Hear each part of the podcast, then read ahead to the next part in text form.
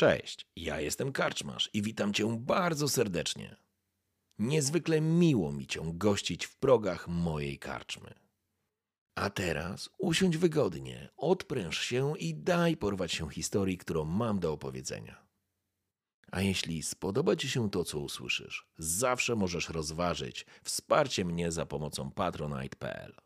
Link znajdziesz w opisie. Życzę miłego słuchania. Oby nam się!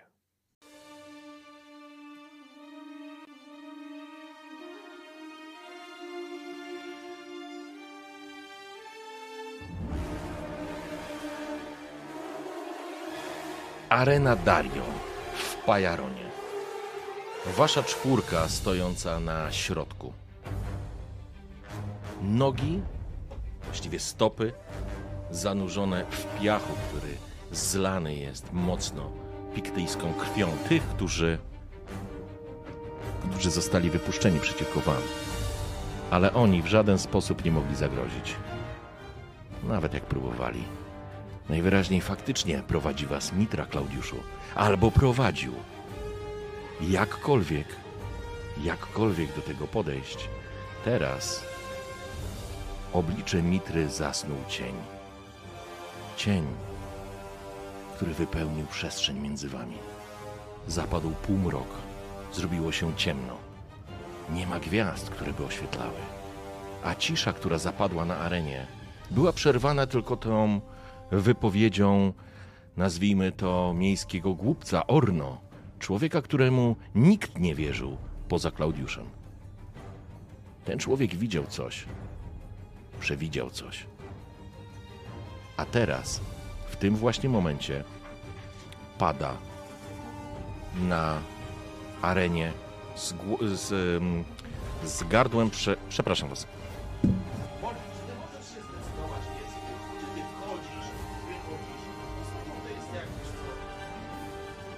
Pieseł. Zawsze to samo. Dobra, wracamy. Orno po prostu. Orn zwija się z przebitą. No, po prostu pada z gardłem przebitym strzałą, a wy zauważacie, że tak naprawdę na całą arenę, niemalże ze wszystkich stron, wychodzą piktowie, krwawe czerepy, które, których nie sposób pomylić z kimkolwiek innym. Z częścią z nich mieliście okazję stoczyć walkę przed chwilą. Ale zanim oddam wam głos i tą scenę, to najpierw, Klaudiuszu, zaczniemy od ciebie.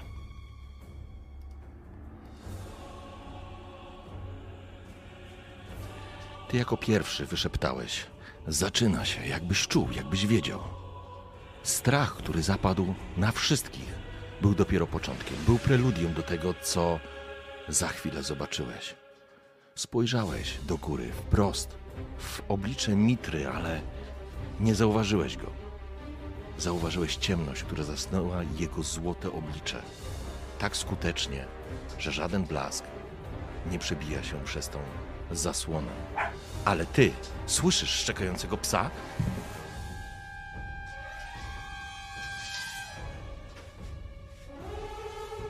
Mam nadzieję, że to już ostatni raz.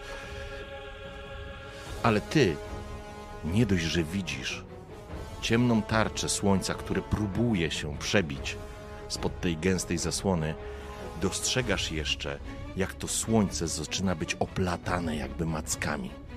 Jakby cień był jeszcze głębszy i po prostu zaczynał to słońce pochłaniać albo próbować je objąć. Spoglądasz w dół, tak naprawdę wszystko zatrzymało się na chwilę. Dla ciebie ta sekunda, czy te sekundy zaczynają. Czas dla ciebie zwolnił. Jakby ktoś wcisnął pauzę. Widzisz twarze swoich towarzyszy, ale oni jeszcze nie reagują. Ale ty, Klaudiuszu, ty, Klaudiuszu, dostrzegasz, jak po arenie pełzną cienie. Pełzną, jak węże, z tym, że ich głowy, masz wrażenie, utkane z cienia, to raczej głowy wykrzywionych, koszmarnie ludzkich twarzach.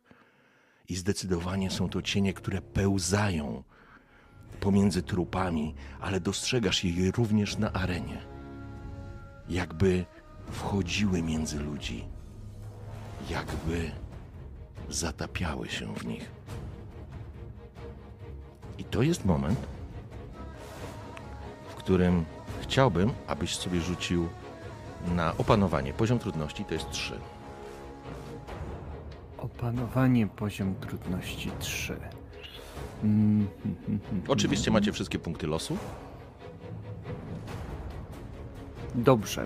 Ja wydam sobie pierwszy punkt losu, bo uważam, że tutaj muszę zachować zimną krew, bo zaraz będzie bardzo niedobrze. Po tej sugestii kaszmarza to się wcale nie dziwię. Rzuć zapanowanie. Jakby co macie punkty losu. Nie, nie, tylko tak Ledwo, ledwo, ledwo, ale się udało. Trzy sukcesy. Cudownie. Cudownie. Klaudiuszu, więc to, co dostrzegasz, jest przerażające, ale chyba tylko ty to widzisz. Twoi towarzysze nawet nie drgnęli. Być może, być może to jest ten moment, ten, ten ułamek sekundy, ten zatrzymany czas, w którym ty to dostrzegłeś, kiedy te istoty albo cienie, powiedziałbym, zaczynają wsiąkać, rozpływać się pomiędzy ludźmi. Było to przerażające, ale ty się powstrzymałeś. To znaczy opanowałeś ten strach, więc nic się złego nie wydarzy. Ale dostrzegasz, kiedy jakby ktoś nagle puścił po prostu taśmę i to wszystko w przyspieszonym tempie w tym momencie ruszyło i zaraz wrócę do was, szanowni gracze, dostrzegacie jak, jak pomiędzy ludźmi, normalnymi widzami, pojawiają się piktowie, czerwone krwawe czerepy, które zaczynają ich mordować. Niektórzy rzucają się w panice, niektórzy próbują się bronić. Ale ty, Klaudiuszu, dostrzegasz jeszcze coś. Dostrzegasz, jak w miejscach, w których te cienie, te mackowate istoty albo wężowate istoty rozpłynęły się, zauważyłeś, jak ludzie, normalni widzowie, mieszkańcy Pajaronu, obracają się na siebie z szaleństwem w oczach i rzucają się sobie do gardeł. I teraz, szanowni gracze, będę prosił o wasze opanowanie.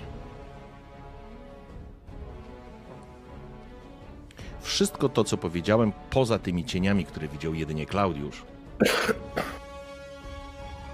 To dostrzegacie. jest dyscyplin. Tak, to jest dyscyplin.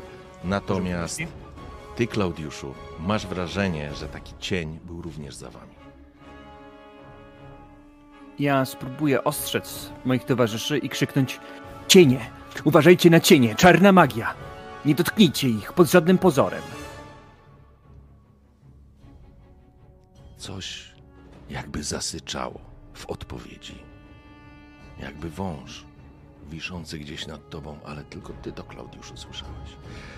Panowie, wy będziecie rzucać na trzy poziom trudności. Trzy. Dobra, to ja w takim razie zużywam punkt losu. Coś tak cichutko jesteś teraz, narrator, czy mi się wydaje? Może odszedłeś teraz od... lepiej? Okej. Chyba tak. Czaty jakby co dawajcie znać, nie? Zaraz Mi, mi się to nie uda. Mi, mi się zwyczajnie to nie uda. Ja Nie obawiaj się. Okej. Pamiętaj, że jestem przy tobie, Rakardzie. Okej. Rakard? No, A ty nie używałeś punktu. fajnie. Nie. Okej. Klaudiuszu, ze względu na to, że jesteś kapłanem Mitry, nie będziesz rzucał. Ale dostrzegasz następującą sekwencję wydarzeń. Pozwolicie, że przełączymy się na stream. Chciałbym, żebyście widzieli mapę poglądową.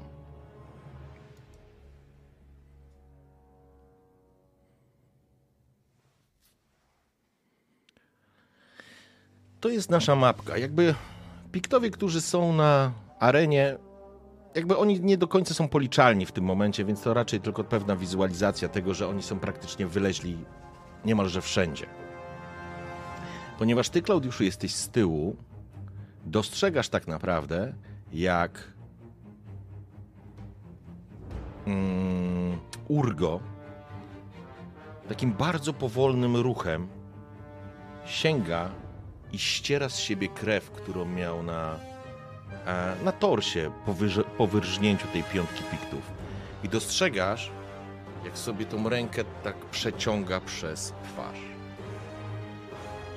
Spoglądasz również na Rakarda i Welesa. oni czynią dokładnie tak samo. Coś szepcze w waszych głowach. Coś mówi. Nie jesteście w stanie zrozumieć co i czemu, ale furia, która rośnie w was, jest przerażająca. Nic nie powoduje wami teraz bardziej niż chęć mordu.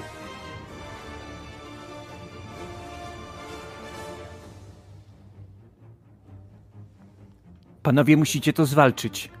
Skupcie się. Przestań gadać! Słońce jest zasłonięte, ale cały czas jest. Mitra cały czas tam jest. Jesteście tylko w cieniu. Cień przeminie. Za dużo mówisz, kapłanie! I szanowni państwo, a właściwie szanowni panowie, ja poproszę, poza Klaudiuszem, o rzut. 1, 2, 3, 4. Właściwie was jest 3. Trzech. To przyjmijmy, że tak naprawdę em, wy wybierzecie sobie, kogo zaatakujecie, który jest z was najbliżej.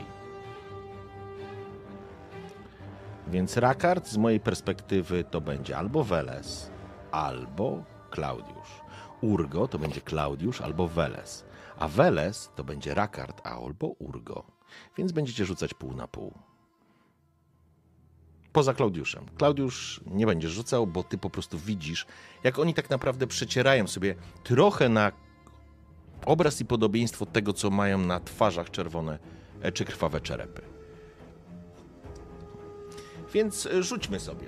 E, Zacznijmy od Rakarda. Rzuć sobie K6, 1-3 to będzie lewo, 4-6 to będzie prawo, czyli to będzie Weles, albo no to będzie Weles. Cudownie. Weles rzuć sobie 1-3 to będzie Rakard, a wyżej to będzie Urgo. E, dobrze, czyli to będzie e, to będzie Rakard. Ok, a teraz ja rzucę za Urgo. I 1-3 to będzie Klaudiusz. Wyżej będzie Weles. I to jest Weles.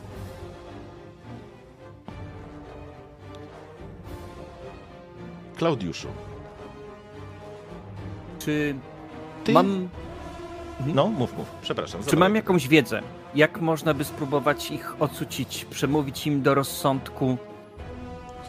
Wygląda na to, że te cienie, które, które tutaj spełzły, wiesz co, a rzuć sobie na, rzuć sobie na, na, poczekaj, na co ty możesz rzucić? Na czarnoksięstwo ja bym... Czarnoksięstwo. To zapraszam. Zapraszam.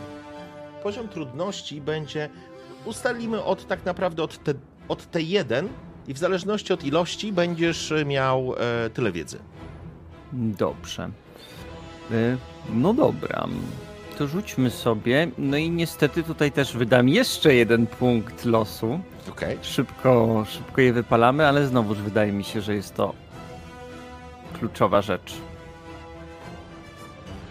Cztery sukcesy łącznie. Cudownie. Cztery sukcesy. Więc tak.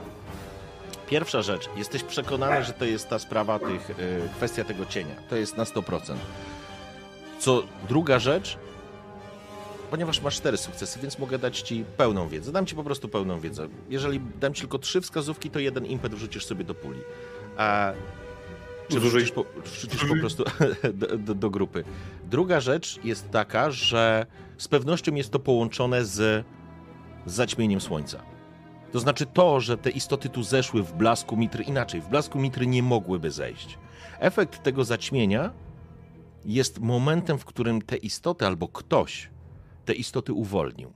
I one faktycznie wzbudzają szaleńczy, sz- po prostu szaleńczy taki atak, taką furię berserkerską, której, w której tak naprawdę ofiary będą kierować się po prostu poczuciem mordu i chęcią mordu. I...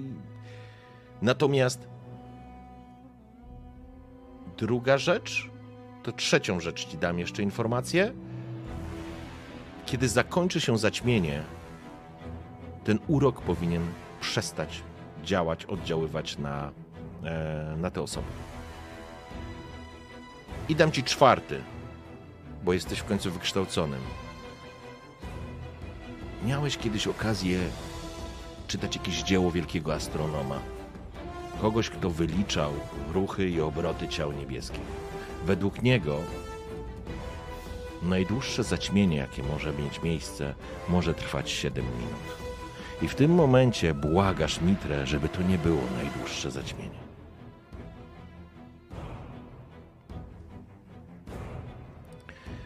I oczywiście jakby z, jakby z technicznego punktu widzenia, co turę będziecie mogli, słuchajcie, e, co rundę będziecie mogli próbować zrzucić funkcjonowanie tego, tej mocy, powtarzając po prostu rzut i to jest akcja prosta, tak naprawdę będzie to usunięcie stanu.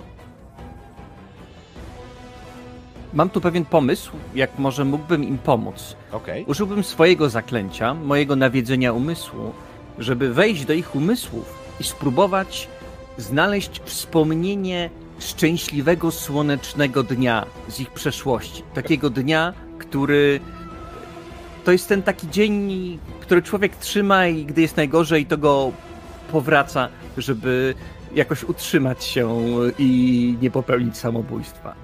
To bym chciał spróbować coś takiego zrobić. Z tym, że w tej rundzie użyłeś już e, akcji tej swojej podstawowej na wyciągnięcie informacji, ale wiesz co, ja ci pozwolę to rzucić zaklę zaklęcie, ale bez koncentracji. Oddając Mhm. e, szybkość tych wszystkich działań. Dobrze. Y, No to znowuż wypalam ostatni punkt mojej fortuny i odpalam w takim razie moje zaklęcie i mówię: Mitro, błagam cię. Może te promienie nie padają na nasze miasto, ale padają na nasz świat i padają na tą ziemię i dają jej życie.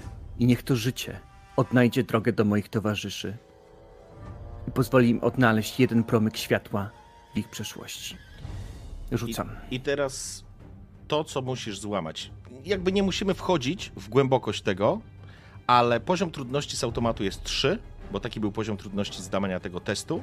Więc to jest twoja bazówka. Plus rzucenie to jest 1, czyli masz 4. Jeżeli chcesz rozszerzyć na działanie kilku osób, będziesz zwiększał te poziomy trudności. Mm. Okej, okej, okej. I wtedy przełamie automatycznie, tak? Wtedy tak, wtedy, wiesz co, czy Mhm. automatycznie przełamiesz, wtedy pozwolę rzucić graczom, no bo to jednak jest moc też czarnoksięska, która weszła już im do głowy. Pozwolę im na powtórzenie rzutu i dam im jedną dodatkową kostkę albo obniżę poziom trudności. O, obniżę poziom trudności. Mhm, mhm.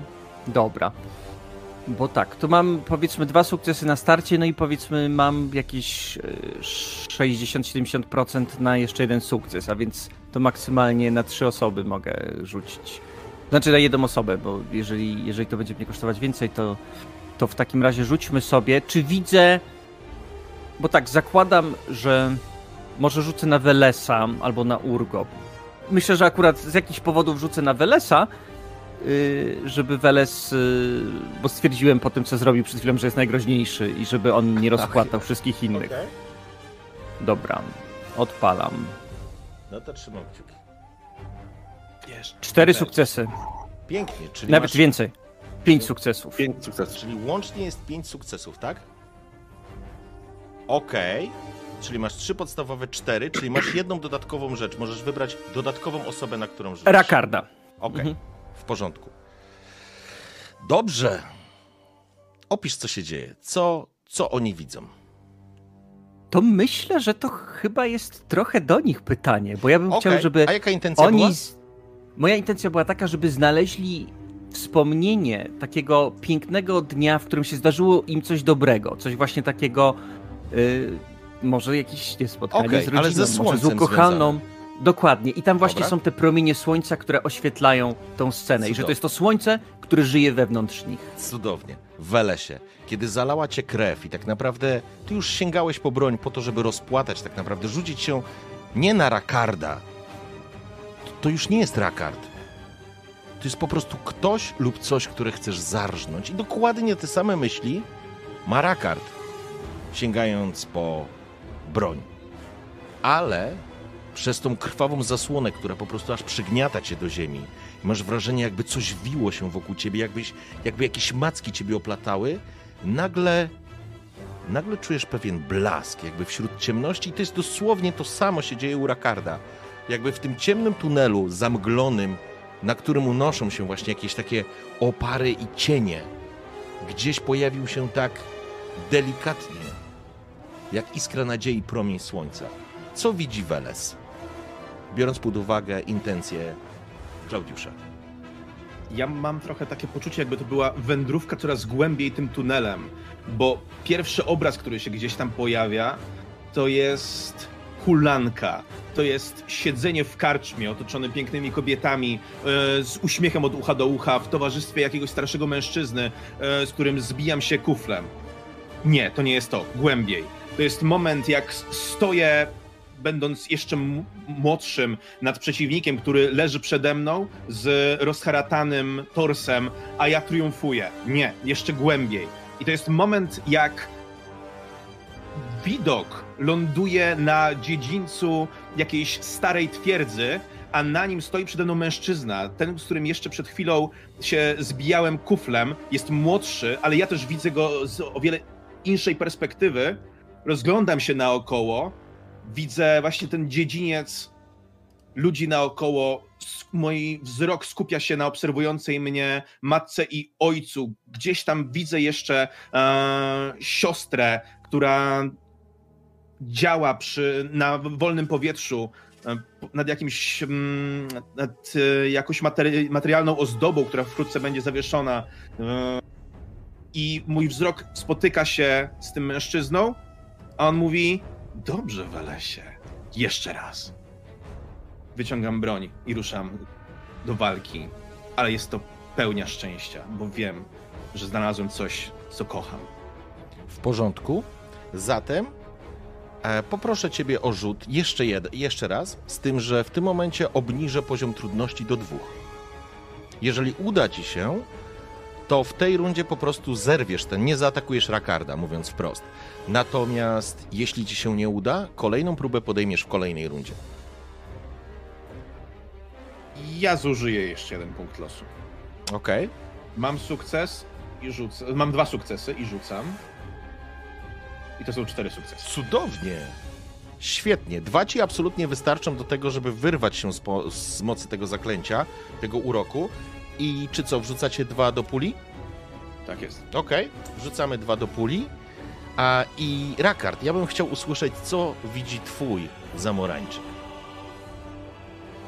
Tak, Rakard, kiedy tak zagłębiał się coraz bardziej w tę ciemność, którą poniekąd dobrze znał, ale tym razem coś z tą ciemnością było nie tak, była bardzo dużą domieszką czerwieni i czuł pewien niepokój, jednak po chwili coraz mniej czuł, coraz bardziej błądził myślami do przeszłości i utkwił swoją uwagę w jednym konkretnym wspomnieniu, w sytuacji, w której na dachu pewnego budynku jeszcze w Zamorze razem ze swoimi przyjaciółmi z Akademii e, siedział, zastanawiał się nad konkretnymi wejściami, całą noc planował, jak dokładnie dostać się do, do tego miejsca, którego próbowali.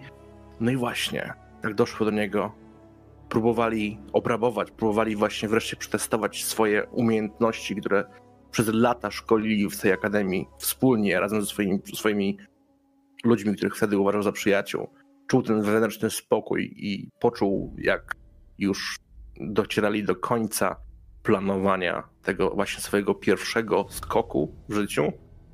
E, poczuł, jak powoli wschodzi słońce i oświetla właśnie jego twarz pełną satysfakcji. I to jest moment, w którym Weles i Rakard rzucili się do siebie. Nie ma techniki, tu nie było niczego, to był po prostu szał i chęć mordu. I złapili, złapaliście się w jednym momencie, chwytając sztylety, zamachując się na siebie i widzicie, jak tak naprawdę te opary szaleństwa schodzą z waszych oczu. I Klaudiusz, ty też to dostrzegasz, jak oni po prostu zawiśli.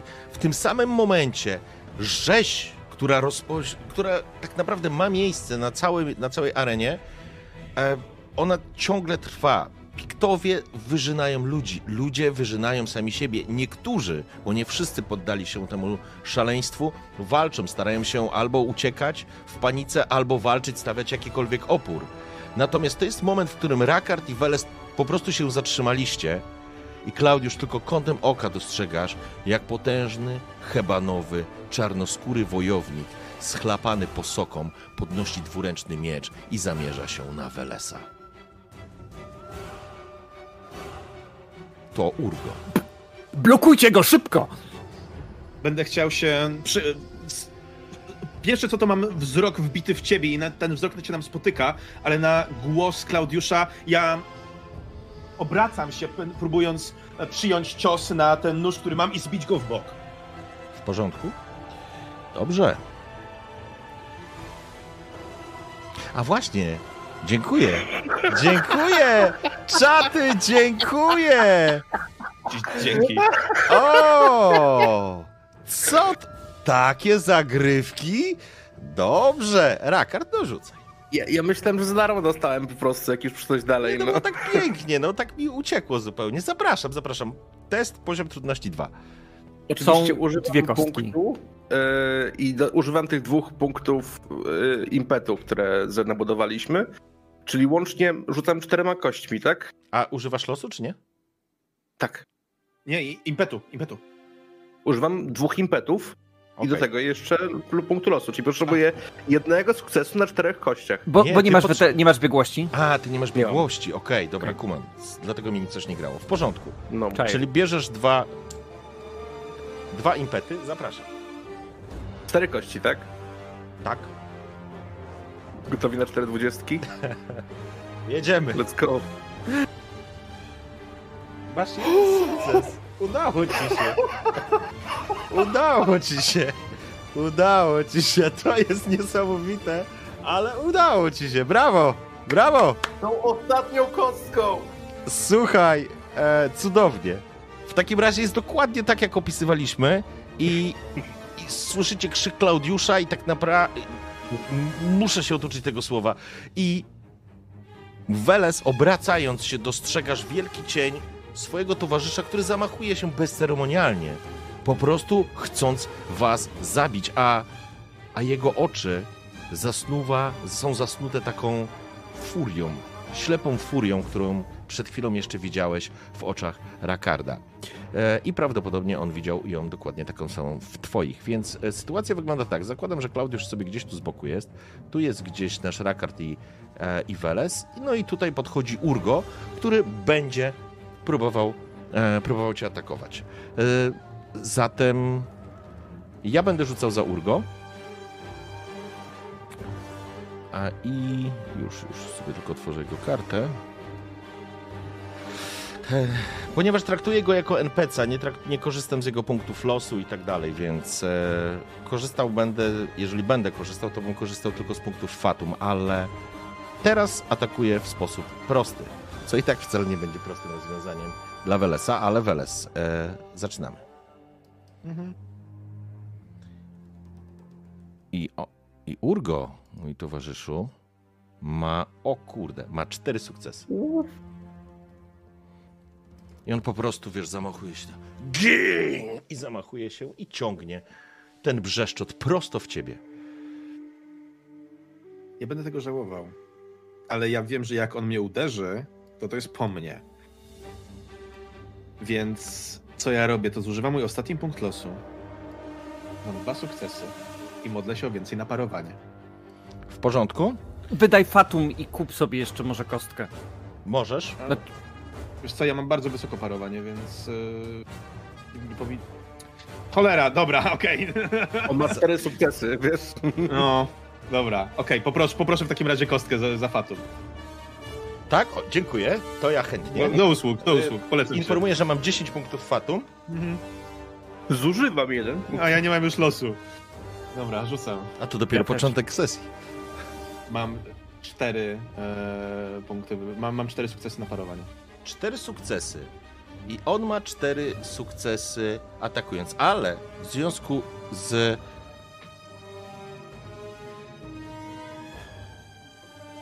Say it.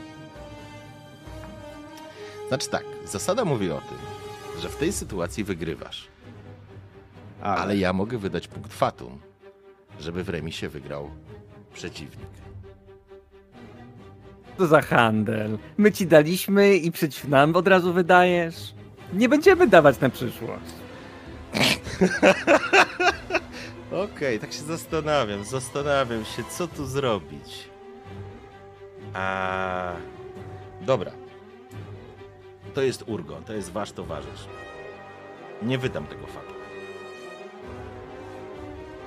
On po prostu doskoczył do ciebie i ty właściwie skróciłeś, skróciłeś e, odległość między nim, doskakując tak naprawdę.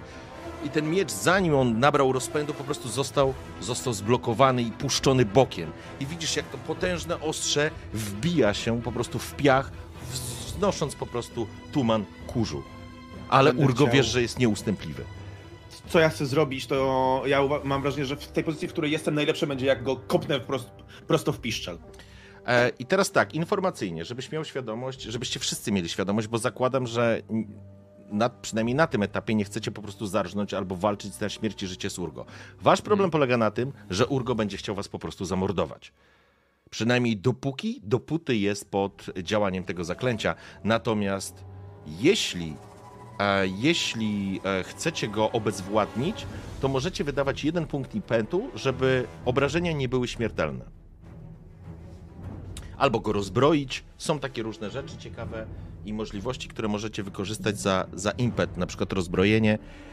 On używa dwuręcznego, dwuręcznego miecza, więc wytrącenie mu tego z ręki kosztowałoby 3 punkty, 3 punkty impetu. Ja y, póki co y, nie mamy impetu w puli, więc ja będę próbował go wyprodukować. Ja, tak jak mówię, zbijając e, miecz, ściągając go w miejscu, w którym jest na, na, ma najmniejszą siłę kinetyczną tak Mhm. naprawdę. em, kolejne co robię, to podpieram się i kopniak prosto w piszczel. Dobrze? Mamy teraz nową rundę, czy To to, jest jest- jeszcze stara runda? Nie, nie, to jest tak naprawdę yy, właściwie, masz rację, to jest nowa runda. To jest nowa runda. Tak, bo ty się z reakcją obroniłeś przed tą sytuacją i teraz jest nowa runda, dokładnie. Więc yy, to przyjmijmy, że Weles już zrobisz tą akcję w tej swojej rundzie i ty będziesz, i ty będziesz robił, e, Klaudiusz wejdzie zaraz po tobie. Chyba, że coś, Klaudiusz, jest jakiś game changer, który chcesz zrobić. Ja bym jakby wykorzystał wiedzę, którą mistrz gry nam rzucił i bym krzyknął Patrz na jego chwyt! Ledwo trzyma miecz od tego szału! Rozbrój go! I dowodzeniem chcę dodać kostkę do działania. Może twoje kopnięcie w piszczel go jakoś też rozbroi, nie? To jest jakby... Okej. A ja dużo więcej zrobić nie mogę. Yy...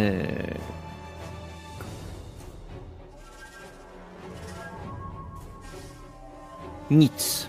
A nawet rzuciłem dwiema kostkami zamiast jedną, ale to nie ma znaczenia. Yy, Nie udało się. Zatem, co się dzieje? Bo to wszystko się dzieje tak naprawdę w jednym momencie. Wokół was trwa walka. W momencie, kiedy Weles będziesz atakował i zaraz za nim będziesz Rakard działał, bo będziecie pierwsi, dostrzegacie tylko kątem oka, jak z różnych stron tej areny do środka, na piach, spadają ludzie. Nie to, że ciała, ciała również spadają, ale wpadają też tam po prostu piktowie zeskakują, walczący z innymi, ale to, co jest kluczowe z waszej perspektywy, to jest sytuacja, w której dostrzegacie króla Sadika, który decyduje się zeskoczyć na dół wraz ze swoim ochroniarzem. Ale to, co widzicie, to fakt, że ochroniarz walczy z królem Sadikiem i ma w oczach to, co jeszcze przed, właściwie co cały czas ma w oczach. Wasz towarzysz Urgo. Natomiast piktowie generalnie zeskakują. To jakby przyjmujemy, chcę, żebyście przyjęli, że na arenie dochodzi do takiej dużej bitwy. Tam właściwie wszyscy ze wszystkimi się biją. Tak naprawdę mordują się po prostu i, i generalnie mamy walki otaczają was ze wszystkich stron.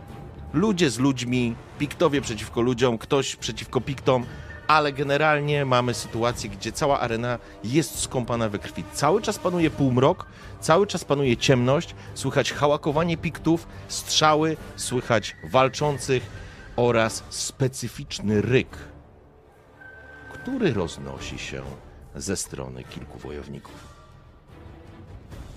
Ale teraz będzie Rakard. Okej, czyli ja rozumiem, Nie, nie, przepraszam, w tym Wales, momencie- przepraszam, Wales. Wales, Wales. Skończy tą, skończy tą scenę i, i tą rundę. I, Sukcesów trzy. Masz trzy sukcesy. Ok, w porządku. Dobra. Mm, zatem trzy sukcesy. Ja wydaję punkt fatum za parowanie. Ja mam jeden sukces, więc udaje ci się enough. przebić. Nieuzbrojone to są dwa obrażenia? Nie, nie. E, aha, bo ty kopiesz go, tak. Tak. Okej. E, dobra, to rzu- rzucę w takim razie... A, mam nieuzbrojony. Okej. Okej. Dwa efekt. Pięć. Czy ty masz jakiś. E, ile masz sukcesów? Sukcesów miałem w sumie trzy. Trzy, czyli tak na. Czyli masz dwa powyżej. I teraz tak, możesz wydać jeden punkt impetu, tak żeby to, to nie były śmiertelne obrażenia, tylko tłu- tłuczone po prostu. Chodzi o to, żeby, żeby A kogoś nie, nie, nie, one nie zabił. są tłuczone z założenia przy uderzeniu nieuzbrojonym? Teoretycznie tak, okej, ale one dobra. mogą być ogłuszające, Dobra. ale chodzi o to, żeby one nie były śmiertelne. Czyli na przykład, wiesz, nie uderzysz go w gardło albo nie złamiesz mu nogi i wiesz co chodzi. A może jednak? Nie, dobra. Nie. Chyba, To że chcesz, to jest zupełnie inna historia, nie? Ale kosztuje was to jeden punkt impetu. Biorę. Dobra, czyli masz w puli jeszcze jeden punkt impetu i to jest pięć punktów obrażeń, które, które zadajesz. I masz jeszcze dwa efekty, czyli wchodzi jeszcze, mm, e, wchodzi jeszcze ogłusza, ogłuszająca rzecz. A co robisz z, dru- z drugim impetem? Um, czy jest coś konkretnego, co ja mogę zrobić oprócz... e, Słuchaj, bo ty masz ile sukcesów ponad? Dwa. Ponad dwa. Tak. E, Tak sobie patrzę. Patrzę, patrzę, patrzę. Możesz mu utrudnić trafienie, wydając dwa impety. Możesz na przykład powiedzieć, że kopnąłeś go i Tak. trochę na przykład obróciłeś mu yy, w kolanie jego nogę, tak że coś strzyknęło i będzie mieć utrudnienie na atak. Na... Tak, możesz, możesz mu podwyższyć ten poziom trudności. Za, za jeden punkt impetu mogę to Nie, za podwyższyć dwa, poziom. to kosztuje dwa. No to, to, to, to, to nie mamy tyle, skoro jeden idzie na... Okej. To co, Chociaż wrzucamy? nie, dobra, dobra, zróbmy to. Ja nie robię tego, że te obrażenia są tylko ogłuszające. To nie jest tyle, żeby mu zrobić wystarczająco dużo krzywdy. Ja chcę mu zrobić krzywdę, żeby on się uspokoił. Eee, ale wezmę w takim razie te dwa impety, żeby mu utrudnić następne ataki. Właśnie w ten sposób. Okej. Niech mu wypadnie rzepka. Co? Dobrze, słuchaj. Zadajesz w takim razie mu e, trzy, trzy, trzy punkty obrażeń. Uderzenie poszło, faktycznie usłyszy, usłyszałeś, bo właściwie ty z nim walczysz, jesteś twarzą w twarz, usłyszałeś jakieś jakby chrupnięcie, on jakby stęknął, ale w tym jego szale absolutnie nie wyczuwa sytuacji, że, że, że coś się dzieje z jego ciałem. Raka. Ja jeszcze tylko chcę e, warknąć do niego. Opamiętaj się, głupcze! no, Rakard? Tak. em, czyli w tym momencie, jak rozumiem, e, Weles i Urgos są w zwarciu. Tak, walczą ze sobą. Dosłownie Czy ktoś- 3 metry od ciebie. Jasne. Czy ktoś na nas napiera? E, Dostrzegasz, e, to znaczy jest generalnie walka. Za chwilę będzie sytuacja, że pewnie ktoś się na was rzuci, ale możesz właściwie zobaczyć jednego z przeciwników, który jest na godzinie pierwszej. Ja mówię o tym przeciwniku, którego dostrzegasz, i ja myślę, że to będzie ten ktoś, kto od kogo usłyszeliście ryk. To jest zdecydowanie krwawy czerep, ale w jego oczach lśni szaleństwo. Jesteś prawie przekonany, że ono nie lśni, nie lśni dzięki temu, że moc czarnoksięska tu wisi. On chwyta dwuręczny taki topór kamionkowy, patrzy na, na was. Myślę, że nawet łapiesz jego wzrok, ryczy jak szaleniec i będzie ruszał na was. Znaczy, to jeszcze inne pytanie. em, tego króla areny, o którym mówiliśmy, No. atakuje w tym momencie jeden koleś, tak? Tak, on walczy tak naprawdę. on walczy pomiędzy ciałami Piktów ze, ze swoim ochroniarzem, który ewidentnie, ewidentnie ma szaleństwo w oczach. Obok niego również pojawił się podobny psychopata z dużym kamiennym toporem i prawdopodobnie będzie chciał zabić króla albo jego towarzysza.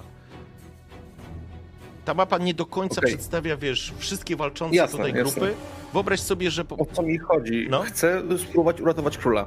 w porządku, Em, mogę na przykład wykorzystać w tym momencie talent strzelca oporowego.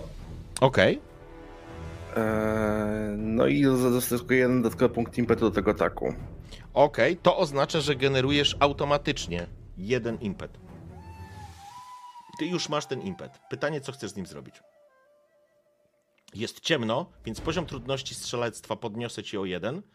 Będziesz strzelał na, na, na, na poziomie T2, a nie T1. A, i, Jest ciemno? no, A no tak, bo słoń... No tak. I Oczywiście, tak. do tego jeszcze mamy sytuację, w którym Sadik walczy ze swoim ochroniarzem, więc to jest dynamiczna sytuacja. Oni walczą wśród ciał, więc to podniesie o jeszcze jeden poziom trudności. Czyli jaki będzie? Będziesz strzelał na trzy.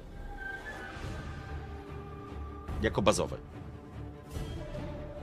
Dobra. I mam jeden punkt impetu, który chciałbym w takim razie wykorzystać, żeby do- dorzucić sobie kość. Ok. Czyli macie impet 0? Eee, I strzelam trzema kośćmi za atak dystansowy. Eee, wykorzystuję do tego jeszcze fortunę.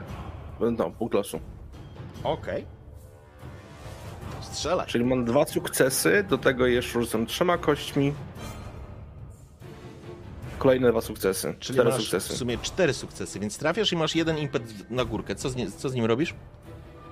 Mogę trafić tego drugiego, co się też zamierzał na tego króla? Mm, mm, nie, to byłby podwójny strzał, to byś strzelał po prostu w dodatkowego typa.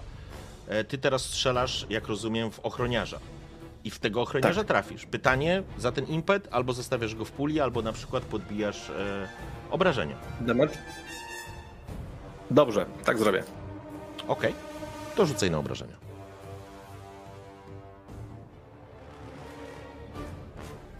Nice, dobry ten.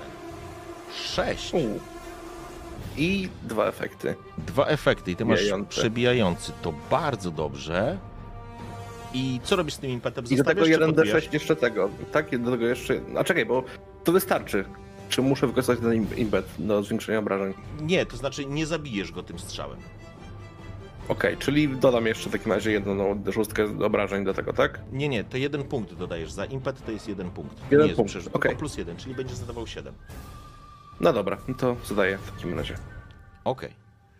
Rakard, przymierzyłeś. Przed tobą jeszcze walczą, walczący Urgo i Weles spuszcza strzałę. Ścięciwa za, zagrała, tak jak lubisz, kiedy strzała pomknęła. I to jest sytuacja, w której potężny ochroniarz, który zamachuje się teraz na swojego pana, dostaje prosto w tors. Robi krok do tyłu, opiera się, traci równowagę na ciele Pikta, którego tutaj zarżnął Urgo jeszcze całkiem niedawno i się wywraca. Sadik obraca się w stronę, z której poszła strzała. Nie ma upstrzonej czerwonej lotki, więc wie, że nie jest to piktowska strzała, tak? Piktyjska chyba powinien powiedzieć. Obraca się w waszą stronę i widzi walczącego Urgo z Welesem, no i, i ciebie. I to jest moment, w którym kończymy rundę z waszego punktu widzenia i wchodzimy w waszych przeciwników.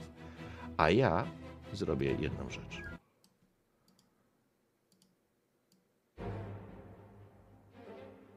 Bo następujące, następują, na, przechodzimy dalej. Urgo, kiedy kopnąłeś go w tą, w, tą, w tą kostkę, na normalnym człowieku, w normalnym stanie to zrobiłoby jakieś wrażenie, ale on, widzisz nawet, myślę, że możesz nawet widzieć, jak on staje na tej nodze wykrzywionej, która no, normalnie by go po prostu musiała, musiałby poczuć ból, nie ma opcji. Ale on w tym szaleństwie najprawdopodobniej tego w ogóle nie czuje. Ale ciebie boli, jak patrzysz, co on z tą stopą robi. On zamachuje się, gin, podnosi miecz i zamachuje się na ciebie. Dobrze.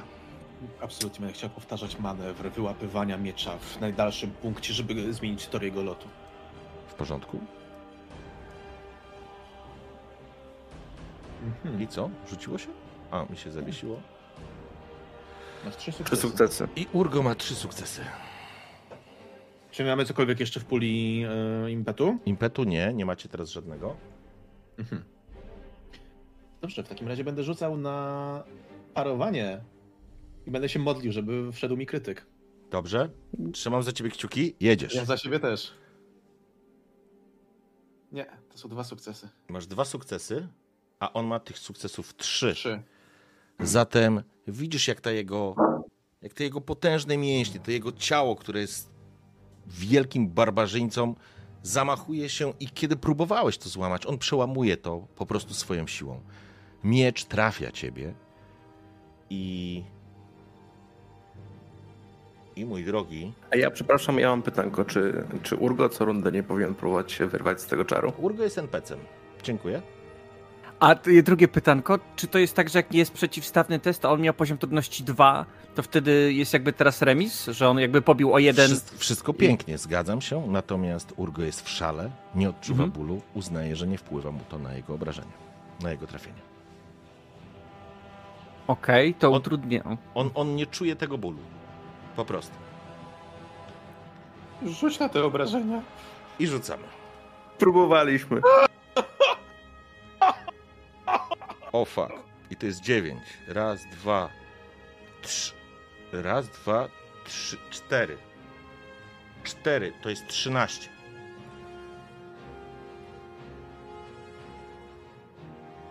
Ile? Tak, bo on ma brutalny. Zostaje na jednym wigorze. Poczekaj, jeszcze zobaczę jedną rzecz, żeby, żeby się nie, prze, nie machnąć. Za każdy wyrzucony efekt on ma brutalny jeden i ma cztery efekty. Tak, to są cztery dodatkowe obrażenia. I to jest jedna rana, taka prawdziwa rana. W tym momencie, e, w tym momencie to są dwie prawdziwe rany. I nie, pytanie, widzę. jaki masz pancerz jeszcze? E, a, tak, rzeczywiście. Pancerz na Dorosie mam dwa. Dobrze. Czyli to jest 13 minus 2 to jest 11, to są dalej dwie rany. Bo każde 5 punktów daje wam ranę. Dobrze. I to jest sytuacja, w którym ten miecz zamachuje się i widzicie. I widzi to Klaudiusz, i widzi to Urgo, e, Urgo, Rakard, że on się zamachuje tym potężnym mieczem, przełamuje obronę i tnie tym żelastwem przez cały korpus Welesa. Weles pod tym uderzeniem załamuje się. Przyjmujesz go na korpus. Właściwie ta twoja brygantyna, bo ty chyba masz brygantynę, ona, w- ona właściwie się zaczyna, ona rozrywa się. Słyszycie obrzydliwy krzyk Welesa, bo to, co przed chwilą zrobił z nim Urgo, jest okropne. Łapiesz się, dwie rany od razu wskakują tobie eee, i to było potężne uderzenie.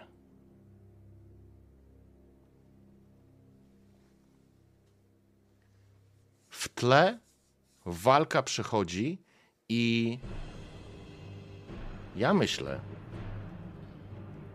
ja myślę, że. Która to jest runda? Druga? Okej. Druga, tak. Słyszycie, jak hałakujący i wrzeszczący psychopata biegnie w stronę Rakarda. Zamachuje się toporem i rzuca się na ciebie, przeskakując, właściwie przesadzając nad tymi stosami ciał, rozpychając się. Rzuca się, wyskakując, rzuca się prosto na ciebie, Rakard. Paruję. Za darmo. I teraz tak. To jest berserker. Berserker ma taką umiejętność, że może dobrać trzy kości z automatu. Tak jakby może wygenerować sobie po prostu trzy dodatku do trzech kości, które może wykorzystać do rzutu. Ale to oznacza, że również przy ataku na tego typa wy macie dokładnie taką samą dodatkową pulę kości z automatu. A i ja teraz rzucam się na ciebie, Rakard. No ja chcę Parować. parować. parować, tak. A, przepraszam, I to to możesz, możesz używać już akrobatyki do uników, by the way. Tak. Wykonując akcję obronna, możesz użyć akrobatyki zamiast umiejętności parowanie, zmniejszając jednocześnie koszt w punktach fatum o 1, Zgadza się, do więc, minimalnej wartości 0. więc ja nie dostaję żadnego teraz e, fatum, ale będę cię atakował. Najlepiej jak potrafię. E, zobaczmy zatem. E, dobrze, to ja już rzucam. A nie, nie dodałem mu kostek, przepraszam, nie dodałem mu kostek. A to, to są, to są, jeszcze muszę rzucić trzema, żeby był komplet. No, o Jezus, dobra. Jeden sukces. On jest po prostu psychopatyczny, on się rzuca na pałę po prostu, wrzesz, wrzeszcząc, zamachując się swoim tym e, kamiennym toporem. Rzucaj akrobatykę. Rzuć dużo. Nie wierzę. O, co tu się dzieje? Wybił, on tak naprawdę biegnąc po tych ciałach, wybija się, skacze na ciebie E, wrzeszcząc. e, e, e, możesz przerzucić jedną K20 podczas testu akrobatyki, lecz musisz zaakceptować nowy wynik. Dobra? Dobra, stary? Dobre? Rzucaj. Jest! Jest! Cudownie!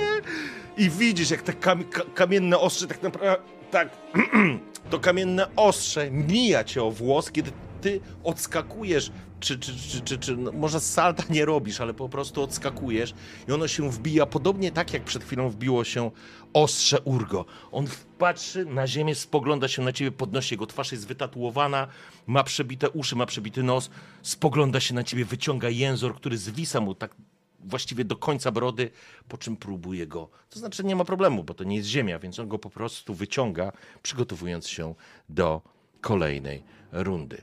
W tym czasie król Sadik będzie wycofywał się, odpędzając się od jakichś piktów. To już nie jest istotne w tym momencie, ponieważ pozbawiliście typa e, tego tego berserkera, przepraszam, berserkera, jego ochroniarza po prostu masakruje ten berserker, wbijając mu kamienny topór prosto w głowę i ona pęka jak melon. Dookoła was jest walka i Klaudiusz, teraz będzie to będzie twój ruch. Zaczynamy kolejną rundę i spoglądasz w niebo i widzisz, jak wśród tej ciemności te macki, które jeszcze przez cały czas oplatały to słońce, one zaczynają się rozpraszać. A na krawędziach twarzy Nitry dostrzegasz pierwsze błyski słońca, które zaczynają pokonywać cień. Jeszcze chwila, jeszcze tylko chwila. Musimy wytrzymać. Ja w swojej akcji będę. Nie wiem, czy mogę to wiedzieć, ale zakładam, że może jest jakaś szansa. Jak się nazywał człowiek, który sprzedał Urgo do nas? I bym, jeżeli to wiem, chciałbym wskazać palcem i krzyknąć: Patrz, tam! Nuru! Ten, co sprzedał Urgo! Za twoimi plecami! Żeby jego uwaga poszła Mhm. tam gdzieś w tłum jakiś i żeby on ten szał przerzucił chociaż na chwilę na inne miejsce. Okej. Słuchaj, poziom trudności będzie 3, ze względu na to, że poddawany Urgo jest dokładnie tym samym mechanizmom cienia, jak każda wasza postać, więc zapraszam. Dobra. Ym. Czy to może być na przekonywanie? E, pu, pu, pu, przekonywanie. E, słuchaj, tak, to będzie przekonywanie. Tak mi się wydaje. Albo komand, w sensie dowodzenia, ale to. Ty To- tak chyba używasz z tego, nie? Tak, to Czy my znaczy. możemy mu jakoś pomóc z tym? Ja myślę, że w tym momencie ty jesteś zajęty walką z Berserkerem. E, Weles właśnie się zgiął pod tym uderzeniem i szykuje się do walki na śmierć i życie, więc absolutnie to, to może ewentualnie Weles, bo ty jesteś jakby poza tym, poza tym elementem. Jestem zajęty. Okej? Pięknie! Ile Przez- masz sukcesów? Trzy sukcesy, bo ma jeden jest podwójny. Trzy sukcesy. Ej, to jest dobra informacja. Więc Uru, tam! Ten, co cię sprzedał! Śmieje się z ciebie, zobacz! Śmieje się, mówi Urgo słaby, Urgo niewolnik. na Urgo kogo będzie wskazujesz? Gdzie wskazujesz? najchętniej jakby zobaczył piktyjskiego szamana. Okej. Yy, Dobra. Słuchaj. Wiesz co? Ponieważ masz trzy sukcesy, czyli dokładnie coś do niego trafi, ale nie mamy wyjścia, ale zabawię się z tym. To znaczy, zabawmy się z tym wspólnie, będziemy się wspólnie bawić. Masz, w tym momencie mamy Urgo, do którego coś dotrze. Za chwileczkę to zrobimy, ale ja bym chciał, żebyś rzucił sobie jeszcze jedną kością, obojętnie jaką, pół na pół. Mhm. I na przykład niech to będzie K6.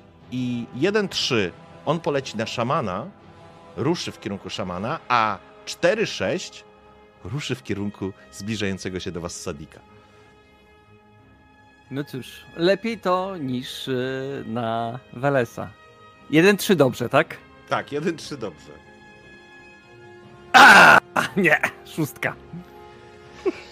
To jest moment, Klaudiuszu, kiedy ty wykrzykujesz i ta twarz Urgo, bo ty znasz twarz Urgo bardzo dokładnie, on podnosi te potężne żelastwo, żeby po prostu dokończyć Welesa i kiedy ty wykrzykujesz, on spogląda się na ciebie z takim w tym szale, jakbyś przez chwilę podobnie, jakbyś zobaczył iskrę zrozumienia albo, albo element, który pozwala mu cokolwiek, żeby do niego po prostu dotarło. I on trzymając ten miecz, obraca się i rusza w kierunku Sadika. Jest jeszcze jedna rzecz, którą doczytałem i pasuje do opisu, który był zrobiony, bo opisałeś brygantynę niszczoną e, u Welesa. Można poświęcić zbroję, żeby dostać, e, Tak. żeby zużyć ranę, w sensie Bardzo dobrze, że to przypomniałeś. Bardzo dobrze, bo faktycznie jest taka opcja. Znisz, ni, niszczymy, niszczymy i masz tylko jedną ranę. To jest dobrze, że to Let's przypomniałeś. Pierwszy raz to robimy, więc mi to uciekło, ale to super. To jest super. Absolutnie. Albo było jeszcze w opisie, nie? Dokładnie Nie, to. bardzo dobrze, bardzo dobrze. Ja to po prostu zajebiście, że to w, przypomniało ci się. To super. To naprawdę fajnie, chłopaki. I Też teraz, się cieszę. i teraz, i teraz co się dzieje? Jeszcze chwila i my wyjdziemy bez szwanku z tego wszystkiego, słuchaj. Tak, to nie szalej, ty tam nie szalej, Rakard. E, ja chcę tylko powiedzieć, że rzecz jasna, to wszystko dookoła was e, po prostu się młóci i jedyne wyjście, które widzicie, to znaczy jedyne wyjście, tak jakby jakby zawsze będziecie tutaj w centrum uwagi. Tu, na tej arenie, pozost- inaczej, zostanie na tej arenie oznacza, że wcześniej czy później któremuś się uda a ludzie dalej są opętani szałem. I chociaż widzisz, że Mitra próbuje się przebijać i powoli przesuwa tą szalę zwycięstwa, to to nie będzie tak. Więc Weles, twoja brygantyna na korpusie po... popruła się jak stare gacie, mówiąc wprost. Czujesz i tak potęgę tego uderzenia, które po prostu przygięło cię do ziemi ale twoje działanie. Ja będę się... ja Mam taką wizję, że ja zostałem właśnie przygniesiony do ziemi, więc ja jestem w tym momencie oczekujący tak naprawdę śmierci, gdy on się obraca ode mnie, ja podnoszę głowę z trudem i staram się podnieść. Ja opadam lekko na jedno kolano w czasie tej, tej akcji podnoszenia się i rozglądam się po okolicy, widząc jak Urgo szarżuje na króla. Patrzę na bok, widzę jak, e, jak Rakard walczy z Berzerkiem i uznaje, nie, da radę. I tak jak Urgo ode mnie, Urgo ode mnie uciekł, ja wstaję z trudem, rozpędzam się i chcę złapać tego Urgo i przygwoździć go do ziemi, uderzając go właśnie o ziemię. Okej. Dobrze. Słuchaj, e, nie będziemy rzucać na trafienie, ponieważ jest do ciebie tyłem. Nie ma świadomości, że ktoś go zaatakuje. Ale Urgo jest potężnym mężczyzną, więc będziecie rzucać przeciwstawny na siłę. Ponieważ atakujesz go od tyłu, więc możesz mu podłożyć nogę, zrobić jakiś cokolwiek, jakiś sprytny wybieg. Dam ci do tego ułatwienie. Dostaniesz dodatkową kość ode mnie. Dobrze. Na co będę rzucał? Na. na siłę. To będzie czysta siła, więc ja zakładam. Właściwie zastanawiam się, czy na siłę, a może nie na siłę, bo to może być Może właśnie- athletics, Tak, ale, ale może pójdziemy w mili. Bardzo chętnie. Uważam, że jak najbardziej Mili jest tutaj dobre, bo ja będę chciał z go. E... Ja będę chciał mu jakiś chwyt założyć, tak naprawdę, żeby e, doprowadzić go do tego, żeby przestał być e, problemem. W porządku? To będziemy rzucać. To ty rzucasz na mili, a ja nie będę się bronił na mili, bo on tego nie paruje, ale on jest fizycznością będzie się bronił. Na zasadzie tobie się go uda po prostu przepchnąć. Więc ja będę rzucał u niego na atletykę. To w tej sytuacji i tak jest dużo lepiej. Są cztery sukcesy. Cztery Pięknie! Cudownie. Dobra, ja rzucam za Urgo. I mam dwa sukcesy, więc uda ci się to. Uda ci się, wskakujesz. Co próbujesz zrobić? Chcesz go wywrócić? Tak, tak. Ja e, chcę tak naprawdę założyć e, Tak, wiesz co, ja, ja będę chciał założyć Nelsona, złapać go, zacząć przyduszać i dociskać do ziemi. W porządku. I masz cztery, słuchaj, masz dwa sukcesy. E, przepraszam, on ma dwa, ty masz cztery sukcesy, czyli masz dwa punkty impetu, które, które gdzieś mogę wiszą ci. na, na ten. Mogę wykorzystać na. Boże, brakuje mi słowa. Na. Mm, jest, O. na to, jest na to z impetu możliwość w walce. A Boże. Co byś chciał? Nie, bo to jest rozbrojenie. Dobra, nieważne, nieważne. Nie, nie W porządku. Masz dwa punkty impetu. Możesz je wykorzystać na zwiększenie obrażeń na przykład. Tego, że, czyli jakby ja zakładam, że, że no dalej go nie chcesz zabić, bo byś go po prostu wbił mu w plecy miecz, Mhm. e, ale jeżeli wydasz ten impet, to go powalisz. To znaczy, to. Absolutnie. on się po prostu wywróci. I ja wykorzystam to, co zrobili, zrobiłeś wcześniej, bo Urgo nie czuje bólu skręconej i wykręconej stopy i on idzie faktycznie jak golem, więc dobiegając, kopiesz go na wysokość gdzieś kolana, łamiąc to kolano, on traci równowagę na tej, na tej, na tej wykrzywionej już stopie i jak dąb, właściwie jak drzewo zaczyna się walić. Ty wskakujesz mu na plecy, zakładasz mu chwyt, on ryczy i ten ryk wznosi się ponad arenę, ponad tych wszystkich walczących dookoła was, próbuje się zerwać, ale twój impet, twój skok na niego wywraca go, ostatecznie go wywraca w kolejnej rundzie będziecie się siłować, z pewnością on będzie próbował zerwać ten chwyt, ale póki co on wypuszcza ten miecz, żelastwo spada na piach i razem z nim upadacie w piach. Jego twarz ląduje w piachu, we krwi i ty go po prostu dusisz i czujesz, jak jego mięśnie, jak stalowe tłoki zamykają się na twoich rękach, próbując się uwolnić. Nad tobą jest Sadik, który spogląda się na to, co się dzieje, ale właściwie to on, myślę, że on przeskakuje i rusza do was, którzy jako jedyni wyglądacie na, w cudzysłowie, normalnych. W Ja tym momencie jeszcze- ścina jakiegoś z piktów, to nie ma znaczenia. To wszystko się tutaj dzieje dookoła was. A, a Urgo razem z Welesem za chwilę będą no, mieć zapasy w, w piachu. Rakard. Ja bym chciał tylko tutaj, No. e, ściągając go, powiedzieć: Każde drzewo da się ściąć! Spokój, wielkoludzie! On ryczy, on ryczy jak powalone, jak powalone zwierzę, jak uwięzione zwierzę. E, I wiesz, że czujesz po prostu jego masę i siłę, która spina się pod tymi węzły, że tak powiem, te mięśnie jak węzły po prostu pracują pod jego skórą.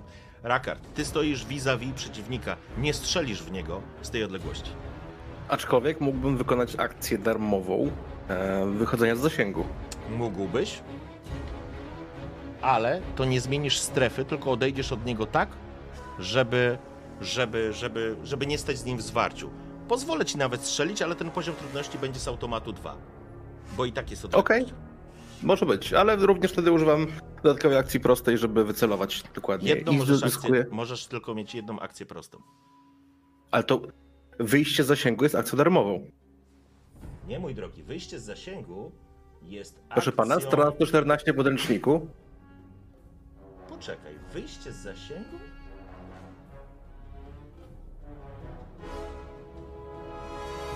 To jest odskok, wycofanie się na bliskim dystansie w celu Nie, proszę pana, proszę pana. przeciwnika. w- Zestawienie akcji strona 114. Akcje darmowe, kontrola dystansu, przemieszczanie się na bliskim dystansie lub wchodzenie bądź wychodzenie z zasięgu. Z- Poczekaj. To na pewno y, będzie generować y, Atak okazyjny chyba, Tak. reakcja. na stówę. Dlatego jest akcja, dlatego masz tą akcję odskok, bo w momencie, jeżeli jesteś w zwarciu z przeciwnikiem i próbujesz odejść od niego w sposób prosty, to on ma automatyczny traf, y, nie trafienie, automatyczny darmowy atak w ciebie. I dlatego masz tą e, ym, akcję pod tytułem e, odskok, która pozwala ci odejść od tego, tylko że no to kosztuje akcję zwykłą, więc ty po prostu nie strzelisz wtedy, nie? A to, co mówisz, e, akcja prosta. Mm, nie wiem, czy to jest sensu podniesienie się, opuszczenie. A, darmowa. Kontrola. Postać może dokonać drobnej zmiany z zajmowanej pozycji, przemieszcza się w dowolne miejsce założone na bliskim. Okej, ale to jest. Ty możesz, przepraszam, w ramach tej akcji darmowej zrobić krok w bok, zrobić parę, wiesz, kroków. To nawet nie jest. To akcja poczekaj, ale jeśli, jeśli będę się właśnie próbował jakby wydostać i odsunąć właśnie, próbując akcję darmową, jak rozumiem, wtedy miałby atak okazyjny, Tak, na który mogę parować. tak, bo to będzie reakcja. To mogę tak, tak jak najbardziej zrobić. Okej, w porządku. Dobrze? Zatem niech tak będzie. Ty po prostu próbujesz odejść. Mężczyzna, który stoi naprzeciwko ciebie, będzie atakował tak naprawdę, będzie atakował dwa razy w tej rundzie. Okazyjnie teraz i w swojej rundzie. Więc to jest stawka. Żebyś miał świadomość, nie? Okej. Dobrze, więc Mamy nadzieję, że nie będzie żyć wtedy. próbujesz się cofnąć, on zamachuje się tym swoim toporzyskiem i próbuje cię trafić. Ja Już- z akrobatyki w tym momencie. A, Dobrze. najpierw ty, sorry. A ja rzucam na niego mili i plus trzy kości. Tak. I ja mam sukcesów. Idź pan w chuj. Poczekaj. Cztery. Tak, ja mam cztery sukcesy. Ty masz dwa, czyli dwa do góry. To mi też generuje, mój drogi Fatum, bo on wygenerował dwa punkty Fatum, ale to na razie jest nieistotne. Ale czemu ci generuje Fatum, skoro Dlatego, ja że- mam parowanie za darmo? Tak, ale on ma dwa ponad twój sukces. To tak jak to u ciebie. A, w ten sposób. A czy się jeszcze, jeszcze nie wiesz, bo jakby... Bo to nie jest też sporny w tym momencie parowania z A jego nie atakiem? rzuciłeś? Jeszcze nie. A, przepraszam, to ja, sorry, ja spojrzałem na jakiś inny wynik. Przepraszam, to rzucaj, to rzucaj jak najwięcej. Tak się dziwię, dlatego Nie, właśnie nie, dam. w E, porządku, ja źle przeczytałem wynik z... Wykorzystuję mój ostatni punkt losu, że Okej. mam dwa sukcesy z bazy No, i rzucam dwiema kośćmi dodatkowymi dobra. za akrobatykę I to są trzy i sukcesy, mam trzy sukcesy. więc on cię trafi. Więc on cię trafi. Ale mogę przerzucić jedną kość akrobatyki. Okej, dobra, sz- słuchajcie, na tym polega taka. ta gra. Rzucaj, stary, rzucaj, trzymam kciuki. Jest! Ale ja tym razem palę fatum i cię trafię. God damn it! W remisie ja trafiam. I to jest korpus, i to jest jeden efekt, i to są w sumie obrażeń 6, bo on ma brutalny 2, a nie, przepraszam, to jest obrażeń 7.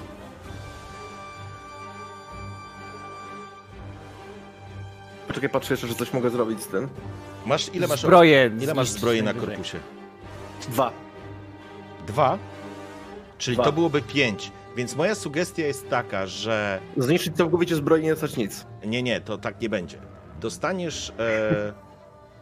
Bo to jest tak, że obrażenia wchodzą, nie? Dobrze pamiętam. Jak zniszczysz zbroję, tylko nie masz rany. Tak. Czyli dostaniesz 5 punktów obrażeń, niszczysz zbroję i nie masz rany. A to dobrze, To tak bo to by otworzyło twoją starą ranę, stary. Byś już miał dwie. Mhm. To tak zróbmy. Więc wpisujesz sobie zero na korpusie i to jest moment, kiedy Klaudiusz dostrzegasz. Rakard próbował się cofnąć tym swoim wężowym ruchem, powiedziałbyś małpim. Próbował odsunąć ale berserker się nie cofnął. Zamachnął się z krótkiego cięcia i czujesz, jak ten kamienny topór po prostu uderza cię i słuchać takie puste, głuche uderzenie, kiedy powietrze schodzi z Rakarda i on się cofa. Czujesz natychmiast na twoim torsie pojawia się krew. Twoje, e, two, twoja zbroja w tym, w tym miejscu ustępuje. Pęka, rozcięta jest, jest zniszczona. Ale odskoczyłeś. No i wycelowany ten i strzelam. Ponieważ E, jest do- blisko, nie dostaniesz dodatkowego poziomu trudności za ciemność, ale za dystans będziesz miał dwa, więc rzucasz na dwa. Okej. E, Używam tego dodatkowego punktu impetu, który generuję. e, Ale żeby- generujesz go za akcję prostą? Generuję go, proszę pana, za strzelca wyborowego. I to jest. Nie potrzebujesz tam. Znaczy, nie no tak, to jest akcja prosta, no tak, bo ja specjalnie, dopiero z tym rozmawialiśmy, że specjalnie jakby dałem mu atak okazyjny, żeby za akcję darmową wyjść z zasięgu. A, to traktujemy to jako akcję darmową, a nie. Dobrze, w porządku. Dobra, to masz punkt Ja impetu. tylko i wyłącznie dlatego dałem mu szansę na atak okazyjny. Okej, spoko. Wy macie w puli teraz jeden punkt impetu, jak dobrze kojarzę. Bo nic się więcej nie wydarzyło, no. Myślę, że ja go potrzebuję teraz i będę Strzelaj. strzelaj. strzelał Strzelaj! dodatkową kością. Eee, dobrze.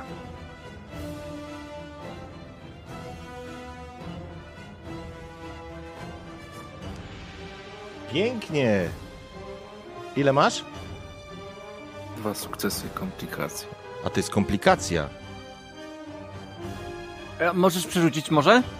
Komplikacji. Za jakiś talent? Poczekaj, poczekaj, poczekaj. Pocz- dziękuję, dziękuję, poczekaj. Przeprowadzając atak za pomocą broni dystansowej możesz przerzucić kości obrażeń w liczbie równej Obrażeń. posiadanych talentów. O- obrażeń. poziomu- Obrażenia. A, dupa. A nie trafieniem, tak. Czyli tego nie możesz zrobić. E, I wiesz, co się Rakard wydarzy tak naprawdę?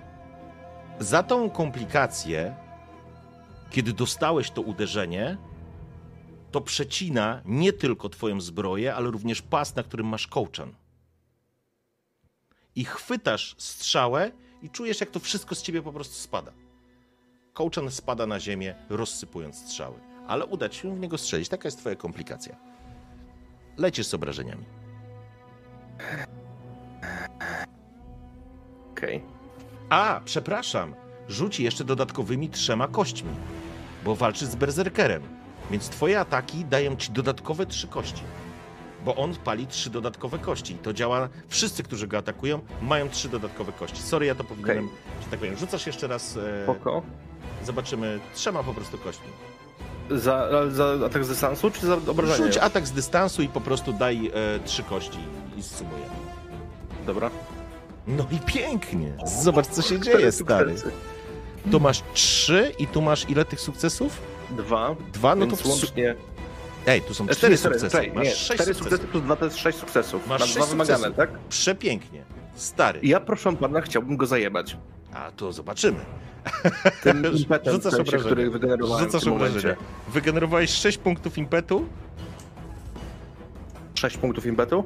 E, przepraszam. E, tak, bo Cztery trafi... punkty e, impetu. Cztery, przepraszam, cztery, bo był poziom trudności 2. Masz cztery punkty impetu teraz na sobie, ale najpierw rzuć obrażenia, bo ty możesz z niego sobie wykorzystać porzucie na obrażenia. Nie przejmuj się. No i pięknie. Głowę, dwa efekty jeszcze przybijające. Cudownie. No to masz 6 i ja teraz sobie zobaczę tylko na naszego typa. 6. Ej, elegancko. E, dobrze, no to to jest 6 punktów obrażeń. 3, 4, 5, 6. Czy to go załatwi? Nie. A ile dodatkowych punktów impetu go załatwi? Jeszcze, jeszcze całkiem nieźle się trzyma, ale dostał. To jest mocny strzał. Pamiętajcie, że na silnych przeciwników musicie zadać dwie rany, żeby ich pokonać. Dwie rany eliminuje silnego przeciwnika. Ale rany. Okej, czy ja byłbym w stanie, skoro stoję w tym samym miejscu, zużyć te punkty impetu, żeby podnieść z ziemi jeszcze jedną strzałę i wyprowadzić kolejny atak? Dobre. Dobre, ale pohandlujmy. Dobre, bo to była Mam komplikacja. cztery punkty impetu. To ja chcę tak. Zapłać dwa punkty impetu za podniesienie tych strzał, przynajmniej jednej, żeby po prostu oddać strzał drugi. I drugim e, atakiem e, pozwolę ci za kolejne dwa punkty impetu wykonać strzał. Czyli Okej. wypalasz cztery punkty impetu. Tak. Gitara. Jestem na tak. Przepraszam panowie, ale że rozumiecie. No to strzelaj. To I strzelaj. guess we die. sięgasz po tą, po tą strzałę, on, on, on dostał po prostu. Ja myślę, że w głowę to. W głowę to, to byś go zabił tak naprawdę, więc ale nie go nie zabijasz, więc przyjmij, że on po prostu dostaje w tors. To nie ma znaczenia. Obrażenia są te same, on po prostu przyjmuje, ale on jest w szale, on jest jak naćpany, on po prostu jest w tym szale, gotowy walczyć do samego końca. Sięgasz po strzałę, spuszczasz cięciwe. Drugi atak to poziom trudności skacze ci o jeden poziom. Było dwa, więc na trzy strzelasz. Rzucam pięcioma kośćmi, jak rozumiem teraz. Tak. Bo on się po prostu nie broni. Trzy sukcesy. No to trafiasz. Jedziesz, Rakard, rzucaj obrażenia. Cztery I efekt. Efekty przebijają, więc masz jeden efekt. To dobrze, bo on ma pancerz na sobie, jakieś, jakieś futro, jakieś skóry, ale przebijasz jeden punkt, więc masz w sumie cztery. Wchodzą mu trzy, towarzyszu. Raz. Raz, Jak dwa, trzy. trzy?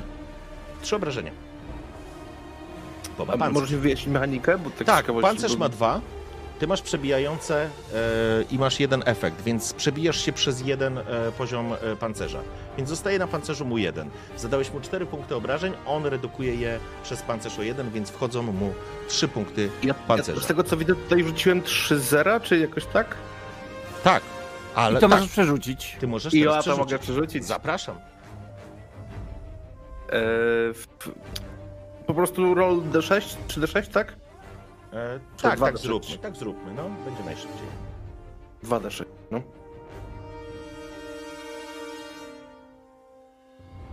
I to jest efekt, czyli zadasz mu dodatkowe obrażenia. To są dwa efekty, czyli jego pancerz schodzi do zera i to są jeszcze dwa dodatkowe obrażenia. I to jest, myślę, taka sytuacja, w której, w której ty po prostu sięgasz po ten strzał, już trochę w panice, ale spuszczasz i to jest tak, jak on dostaje raz i dostaje drugi i nakrywa się nogami. Brawo! Let's go! Pięknie. E, I teraz. E, I teraz mamy kolejną rundę. Nie, tu mamy teraz e, zabawę z Urgo. Wracam do ciebie, Weles. Utrzymujesz go, widzisz, jak on się napina, jak warczy, jak wrzeszczy, jak ryczy tak naprawdę i będzie próbował zerwać, zerwać, zrzucić cię z siebie, krótko mówiąc, i zerwać twój chwyt. I będziecie w tym momencie, będziesz rzucał już na siłę. Ja się oplatam. Spokój, spokojnie! On walczy z... I rzucajmy, od razu na atletykę rzucaj. Czy mamy cokolwiek w impecie? E, nie, spalił wszystko twój towarzysz, a ja powiem ci tak, że nie, Aha. za Urgo powiedziałem, że nie będę robił e, numerów, więc rzucam na czysto. Mam dwa sukcesy i ty masz dwa dwa sukcesy, ale ja spalę teraz fatę. O ty! I to jest moment, w którym on się trzyma, ty go trzymasz, ale czujesz jak on wplata tą rękę, jakby próbując tą dźwignię z siebie zrzucić i odpuszcza. No, jest silniejszy w tej sytuacji, ześlizguje ci się ta ręka i on po prostu zrzuca cię z siebie i wstaje. Widzisz tą krzywą nogę, na którym stoi, więc on trudno łapie, łapie swój dystans, to znaczy łapie trudno równowagę, ale jego oczy nadal są w szaleństwie. I teraz wracamy do Sadika i osób, które są tutaj. E, on krzyczy tak naprawdę do ciebie, Klaudiuszu. Musimy stąd uciekać. Zostanie na arenie to śmierć. Do wyjścia. Pomóżcie mi. To was ozłocę. Ja odwracam się do niego. Nie, tu jest czarnoksiężnik. Jak go tutaj zostawisz, królu, to nie będziesz mieć do czego wracać, a twoje złoto będzie tyle warte, co ten piach tej areny. A więc, jako że jesteś nie tylko królem, ale też człowiekiem, rozglądaj się po tych trybunach i szukaj człowieka, który może mieć na sobie e, kości, e, świecące klejnoty, który zdaje się szeptać, a nie walczyć i zmagać ze wszystkimi. Słuchaj, chcesz go przekonać? Okej. Koszmarny, T4. Te cztery. Królu, Jedziemy. Król nie ma zamiaru zostać tutaj się bawić z wami na tej arenie. No dobra. Mamy jakiś impet? Nie. O to przed chwilą pytał się Weles. pytać. Dobrze, to ja, ja poproszę jeden punkt fatum. Tutaj daję kochanemu Dziękuję. mistrzowi gry, żeby się dobrze bawił. Dziękuję pięknie. I Mam kupu- 7 punktów fatu. I kupuję sobie kostkę. Trzymam kciuki. I mam cztery sukcesy, bo mam jeden podwójny. Brawo! I widzisz, jak jego przerażenie w oczach e, Sadika, właściwie w jednym oku, ponieważ on ma opaskę e, przeciągniętą przez twarz, jego zbroja, napierśnik z symbolem, z godłem i herbem spla, e, splamione są krwią, on spogląda się na ciebie i chyba trafiłeś. Czarnoksiężnik? Jak można stanąć przeciwko takiej sile? Czy miecz wystarczy? Kładasz miecz do środka i wyciągasz. Jak nie zadziałało, to powtarzasz. W porządku. Cudownie. Okej. I dostrzegasz, i jakby dostrzegacie, jak wokół was zaczynają gęstnieć walczący, mówiąc wprost. A i to jest Klaudiusz. To jest Sadik Weles.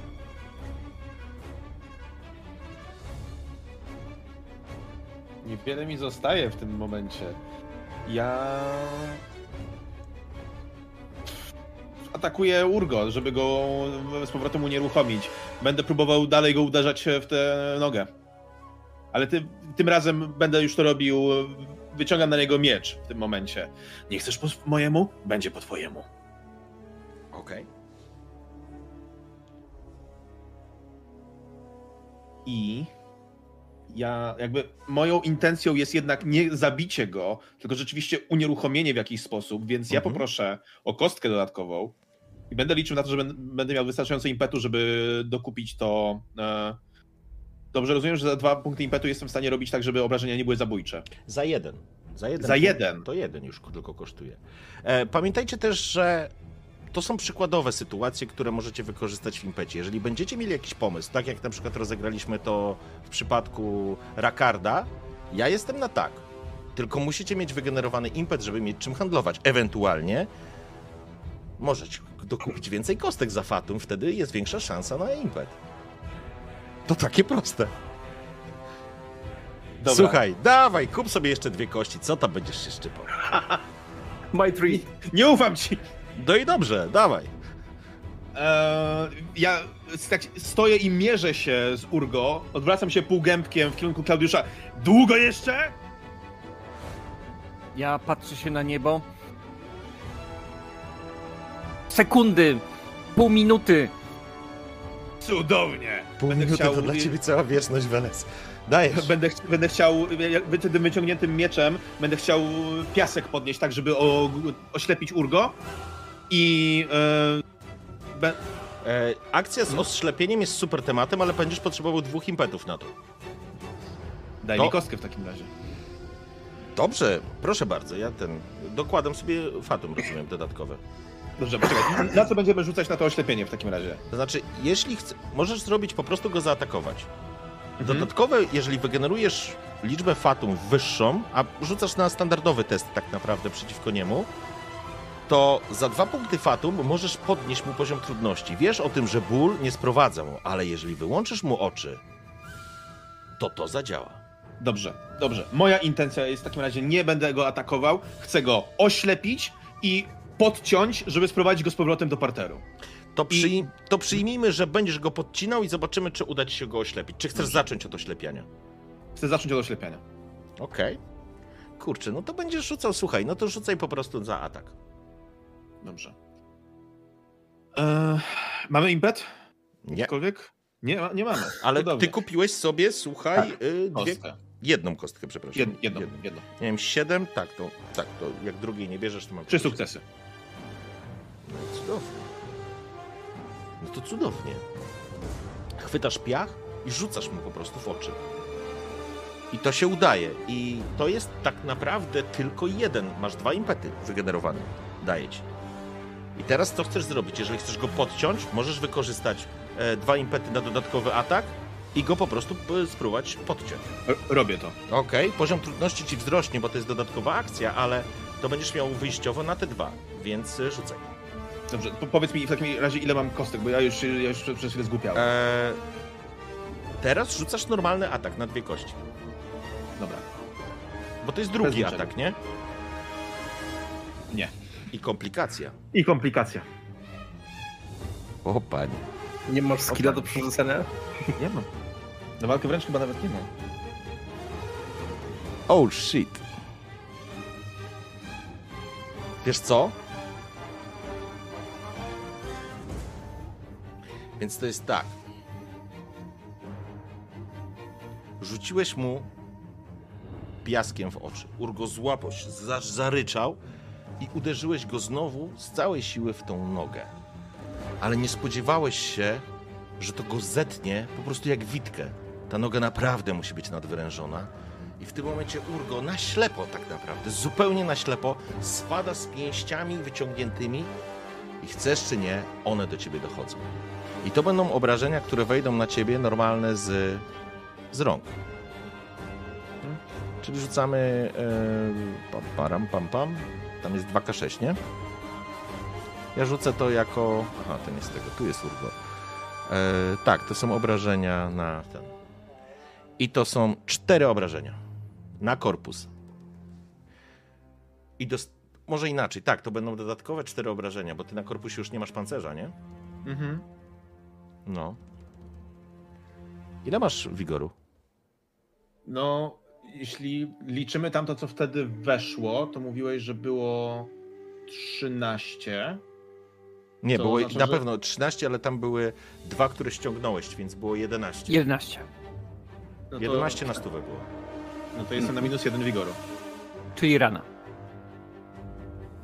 E, czyli dwie rany. A nie, jedna rana. Jedna, bo gdyby było tak, że zadaje pięć, kurde. Dobrze. Czyli Urgo się po prostu na ciebie zwala. Czujesz. A!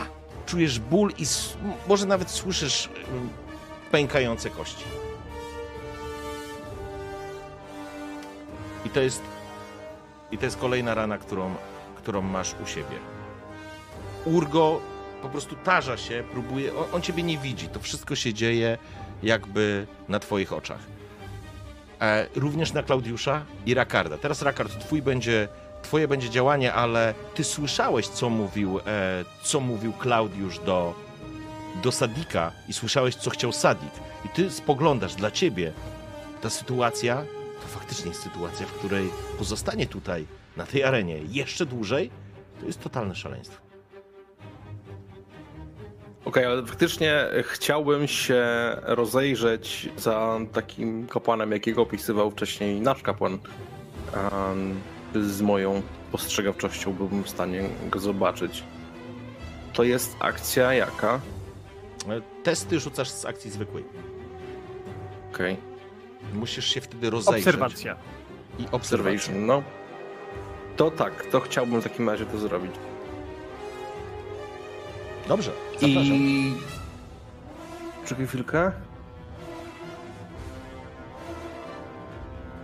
Ja tak, tak z z ciekawości, w akcjach darmowych jest upuszczenie przedmiotu, e, podjęcie na ziemię, bla bla, przemieszczanie się, czy podniesienie przedmiotu z ziemi również jest wtedy akcją darmową? Pum, pum, pum, pum, pum. Nie wiem w tym momencie, szczerze mówiąc. Chodzi o to, że chciałbym się rozglądać i przy okazji podnieść z portem coachem. Mhm. Słuchaj, przyjmijmy, przyjmijmy, że to będzie akcja prosta. Zakładam wyjęcie przedmiotu, będzie mi pasować. A tu będziesz sobie po prostu. Nie ma problemu, żebyś chwycił i się rozglądał. Nie ma żadnego problemu. No, tak chcę jest właśnie. zaćmienie, jest ciemno, więc masz ciemno, jest po prostu totalna jazda. W związku z tym sam poziom trudności wyjściowo byłby trudny, ale ze względu na to, że jest ciemno, poziom trudności będzie na poziomie T4, czyli będzie koszmarny, żeby wypatrzeć cokolwiek. Pytanie, czy chcesz to zrobić?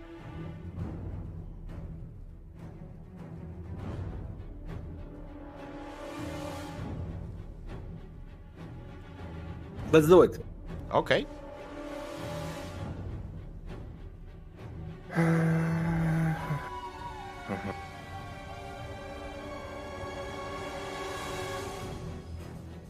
Ile masz? Trzy sukcesy. Trzy sukcesy. Nie jesteś w stanie wypatrzeć w tej ciemności. Albo inaczej, to wszystko naprawdę dzieje się tu i teraz. Ci ludzie się zamieniają, zmieniają miejscami, zażynają się na arenie. Ta arena wokół was to jest pandemonium. Tutaj mieszkańcy zażynają mieszkańców, odgryzają im uszy, rzucają im się do gardeł i tak dalej, i tak dalej. Są w tym szale. Dobra. Przy tym piktowie po prostu ich również starają się mordować. Jest część osób, która wygląda na normalną. Ale, szanowni, dodatkowo widzicie Welesa, który turla się w objęciach e, Urgo. I Weles naprawdę, miałem tego słowa nie używać, ja chyba go wytnę sobie język. E, I Weles bardzo źle wygląda.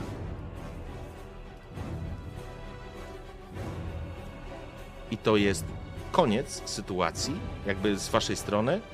Urgo będzie przecierał oczy, więc jest taka e, akcja, którą możecie wykorzystać, żeby ściągnąć stan. On sobie ściąga ten stan, że będzie widział. A i. i co?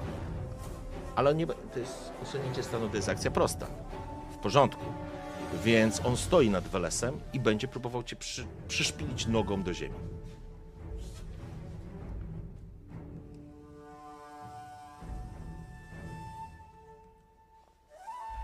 I ja rzucam na Mili.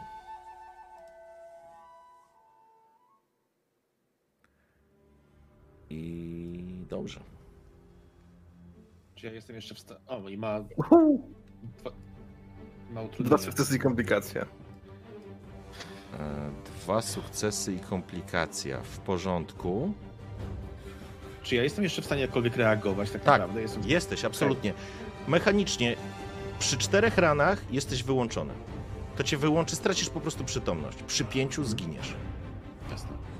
E, No to w takim razie co ja robię? To ja, ja skręcam się z bólu, ale widząc tę nogę, ja będę chciał ją złapać i wykręcić, żeby e, tylko mnie nie, nie przyśpił, żeby nie zrobił jeszcze większych szkód w moich połamanych żebrach.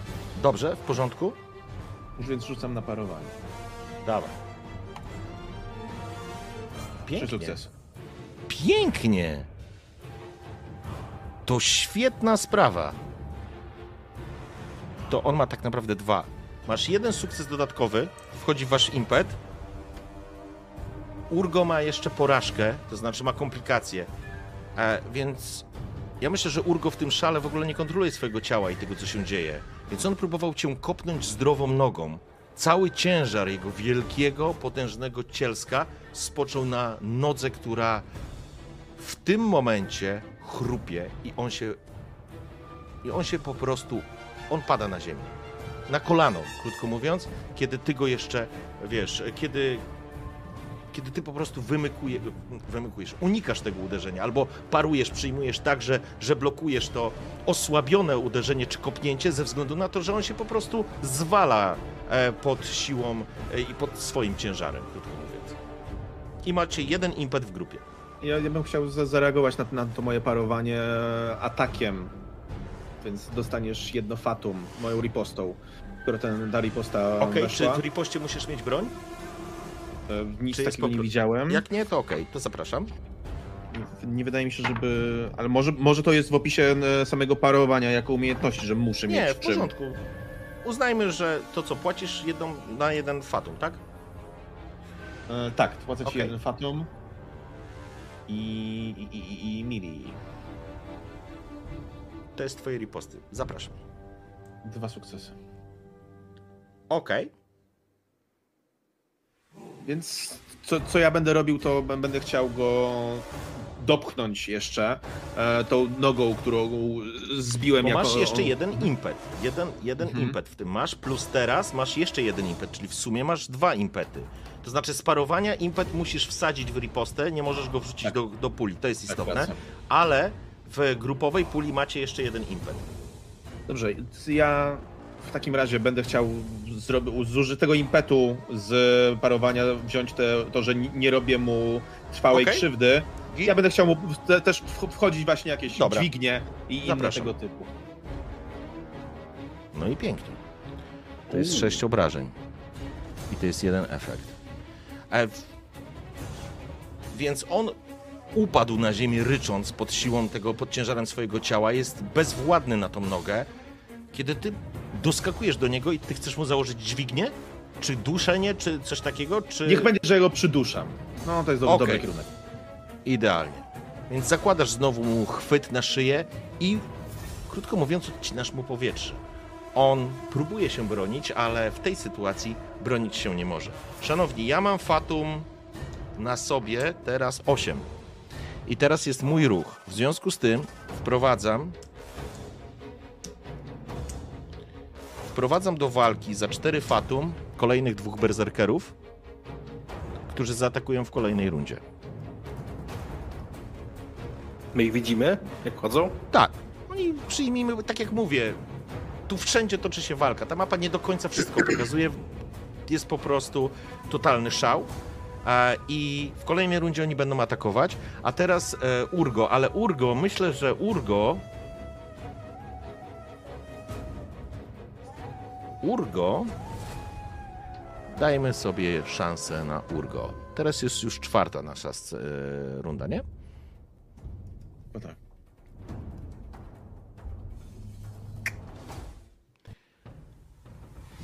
Coś może próbował powiedzieć, ale, ale to nie było na zasadzie puść czy coś takiego. To, to nie był jeszcze Urgo, który, którego znasz. E, Będę próbował się z tobą e, mierzyć na siłę.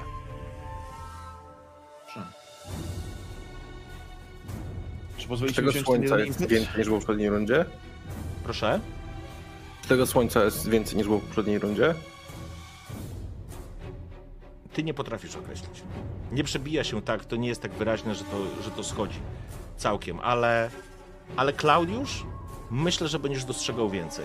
I nie chodzi tutaj o zmysł wzroku, bo z pewnością Rakard ma go lepszy, ale widać, myślę, że będziesz widział, że po prostu cień zaczyna, zaczyna w tym momencie ustępować.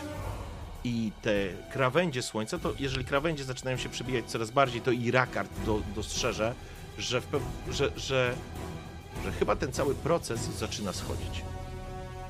To będzie.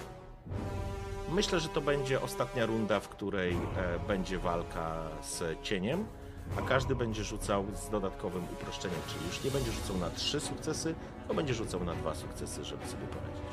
Ale to oznacza, że jeszcze Weles będzie musiał przetrwać e, przepychankę słówką.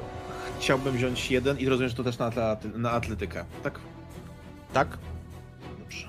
W takim razie biorę jedną kostkę z impetu. I to macie impet 0? Dwa sukcesy. W porządku. Ja nie będę spalał teraz e, fatum, więc utrzymujesz go. Utrzymujesz i jak zaczyna harczeć, jak zaczynasz odcinać mu e, powietrze. I teraz przechodzimy do was. Klaudiusz. Nic Czyli tu nie widać! Klecho, nic nie widać!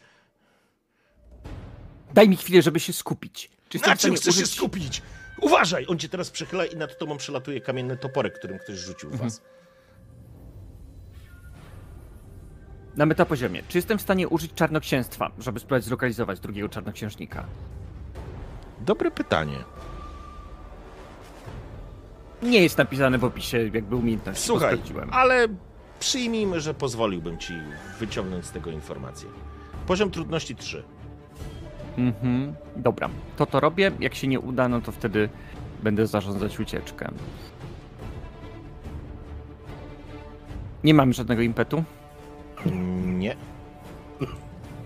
Dobrze. Możesz kupić kość za fatum. Wolę nie. Nawet dwie. Trzy bym ci dał. Za jedno fatum? Nie, za trzy. Eee, Ile masz? Dwa sukcesy. Ach, jeden, o jeden za mało. Gdybyś w sensie kupił, widzisz, to jest ta chciwość wyrzucił. graczy. Nie dam ci fatum.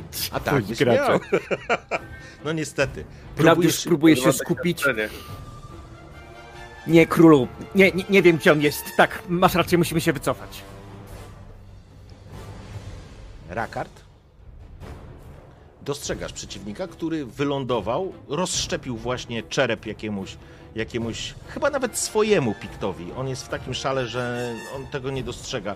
Wyciąga pff, ten, ten, ten miecz z chrupnięciem i z takim mlaśnięciem obrzydliwym, spogląda się na ciebie w szaleństwie i w kolejnej rundzie będzie atakował, czyli w tej. Okej, ja już rozumiem, mam e, tego, twój kołczan. Tak. Em, teraz byśmy atakowali już z poziomu trudności 2. E, Ty będziesz atakował, tak, bo jest ciemno. Jest ciemno, dlatego to utrudnia ci strzelanie, dlatego masz poziom trudności 2, a nie 1. Okej. Czy, a to jest, I to jest ostatnia, ostatnia runda, kiedy tak atakujemy? Nie, nie, ja mówiłem o cieniu, to jest zupełnie inna sytuacja. To jest jakby uwolnienie się przykładowo Urgo od te, tego cienia, już nie będzie A, wymagało trzech, e, poziom trudności 3, tylko 2. Dobra. No to w takim razie tak, to akcją taką, no, strzelca wyborowego, Okej. generując punkt impetu, Proszę bardzo. strzelam szanownego pana. Strzelaj.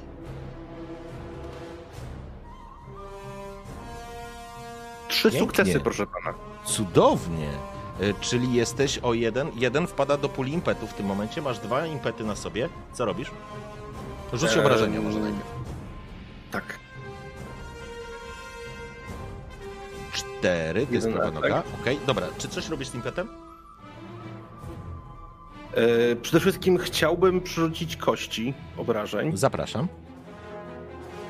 E, to jest roll 2d6, ale jest zadowolony z mojego awansu, powiem ci. No, mówiłem, rozwiń postać, będzie łatwiej w życiu.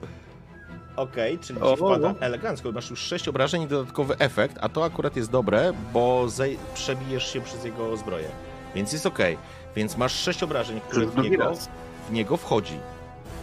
To, to już dwa efekty w takim razie łącznie. No tak, tak, dwa. Dokładnie Okej. tak. Czyli ściągasz mu dwa punkty pancerza. Więc ta strzała pomknęła w niego i trafiła go za dokładnie 6 punktów. Chciałbym zostawić dwa punkty impetu w puli. O, jak ładnie. Dobry W pan. porządku. Dobry pan. Więc macie dwa punkty, macie dwa punkty w impetu. I Dobby teraz, dostał impet.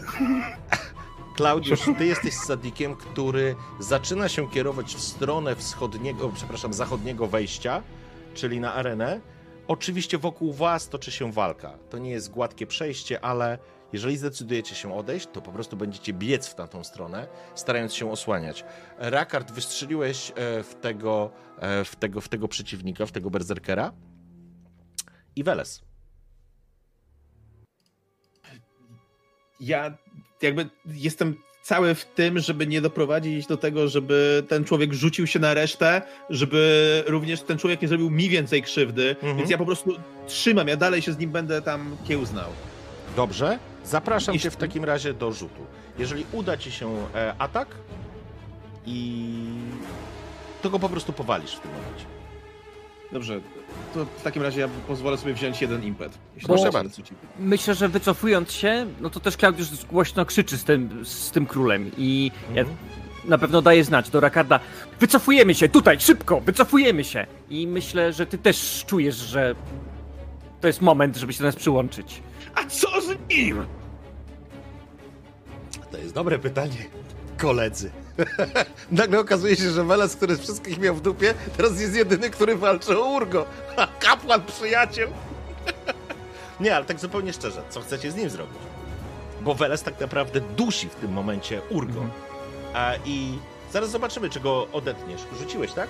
Tak, rzuciłem, mam dwa sukcesy i e, utrudnienia. Ja kupuję dwa fatum za twoje, e, za twoje e, utrudnienie. Częstuj się. Dziękuję, rzuć obrażenia. Okej. I to wystarczy. Urgo harcząc, czujesz jak wiotczeje pod siłą twojego nacisku na jego gardzie. Jego twarz wpada po prostu, może nie wpada, bo go trzymasz, więc on po prostu bezwładnie wisi. Jego cielsko leży pod tobą, ty właściwie niemalże, no, no obejmujesz go, no. leżysz obok. Wokół was trwa walka. Spoglądasz w niebo, dokładnie widzisz to, co wszyscy, wszyscy widzicie, więc jest, jest już nadzieja, że tak powiem, ale to jeszcze nie jest kompletne zakończenie zaćmienia. Na światło i mrok. Ja puszczam go, e, zdając sobie sprawę z tego, że jeśli potrzymam go dłużej, to mogę mu, to mogę go zabić po prostu. Mhm. I za, zaczynam się wychodzić spod jego ciała tak naprawdę, próbując stanąć na równe nogi, rozglądając się po całej okolicy. I pierwsze, co rzuca ci się w oczy, biegnący w waszą stronę berserker. To się nigdy nie kończy! Będę chciał e, podnieść jakąkolwiek broń, miecz, który leży gdzieś obok, e, złapać jeden z tych noży e, zamiast puginału, który też pewnie gdzieś leży na tej arenie i nastawiam się do przejęcia ataku. Okej? Klaudiusz, Rakard. Rakard, ty wyszukiwałeś tego, te, tego, tego przeciwnika, nie? E, strzeliłeś. Okej, i to był koniec. Weles jakby zamyka. Zatem, szanowni, dostrzegacie, jak słońce zaczyna zaczyna przebijać się. Że Jak już przyjmijmy, że jest ta tarcza słoneczna jest niemalże do połowy już wolna od cienia i te promienie rozbijają cienie, które się, które się tworzą tu wszędzie. I dostrzega, dostrzegacie, jak, jak ludzie, którzy gołymi rękoma rozrywali sobie grdyki, wyrywali sobie oczy, wybijali sobie oczy, wyrywali sobie poliki uszy, zachowywali się jak zwierzęta, część z nich zaczyna jakby dochodzić do siebie. Ale waszym problemem w tym momencie jest to, że tutaj są również inni piktowie, jest ich już może mniej, a właściwie trudno określić, bo wszędzie są stosy ciał, ale waszym zagrożeniem w tym momencie są dwaj berserkerzy. Jeden będzie szarżował prosto na Welesa, a drugi będzie szarżował prosto na Rakarda. I macie jeden impet. Ci berserkerzy są w totalnym rozgorączkowaniu, więc oni atakują na maksa. Z trzema kośćmi, Jasne, czy możemy coś zrobić przed nimi, czy oni teraz To coś jest robią? ich teraz runda, bo wy skończyliście swoje. Okej. To jest A tak ich z runda. ciekawości, a ja ich nie mogłem atakować pięcioma kośćmi ataku? E, oni dopiero teraz atakują. Więc w momencie, Czyli kiedy jak ja, oni... ja atakuję oni oni jeszcze- daleko, to, to dalej jest... Kiedy nie ty, atak... nie, nie, nie. dodatkowe. Kiedy ty atakowałeś tego typa, to on jeszcze nie włączył się do walki. On dopiero teraz włącza się do walki, więc ty strzeliłeś za free tak naprawdę. Okej. Muszę uciec od tego słowa. Sorry, kurczę, to jest jakieś moje przekleństwo ostatnio. Ja nie widzę tu nic złego. E, I oni dobiegając, atakują i ja decyduję, jaką pulę wrzucam kości. Zakładam, że oni są tak rozgrzani, że wjeżdżają po prostu na, całe, na całego. Lecimy. I to jest nasz towarzysz Weles. Co wyszło? Jemu Aj. wyszło jeden i Nie, nie bo- był chciał parować. Eee... Poczekaj. To nie ten, bo ten nie ma ran. To był akurat. Nie, to zróbmy inaczej. To jest Rakard, twój przeciwnik, bo to jest ten ze strzałą. Okej. Bo już rzuciłem, to już nie chcę, bo nie chcę już tego przekręcać. Więc on ma jeden sukces, więc on cię trafi. Mnie? Tak. Bo. No to bo chciałbym jest... parować. No to rzucaj.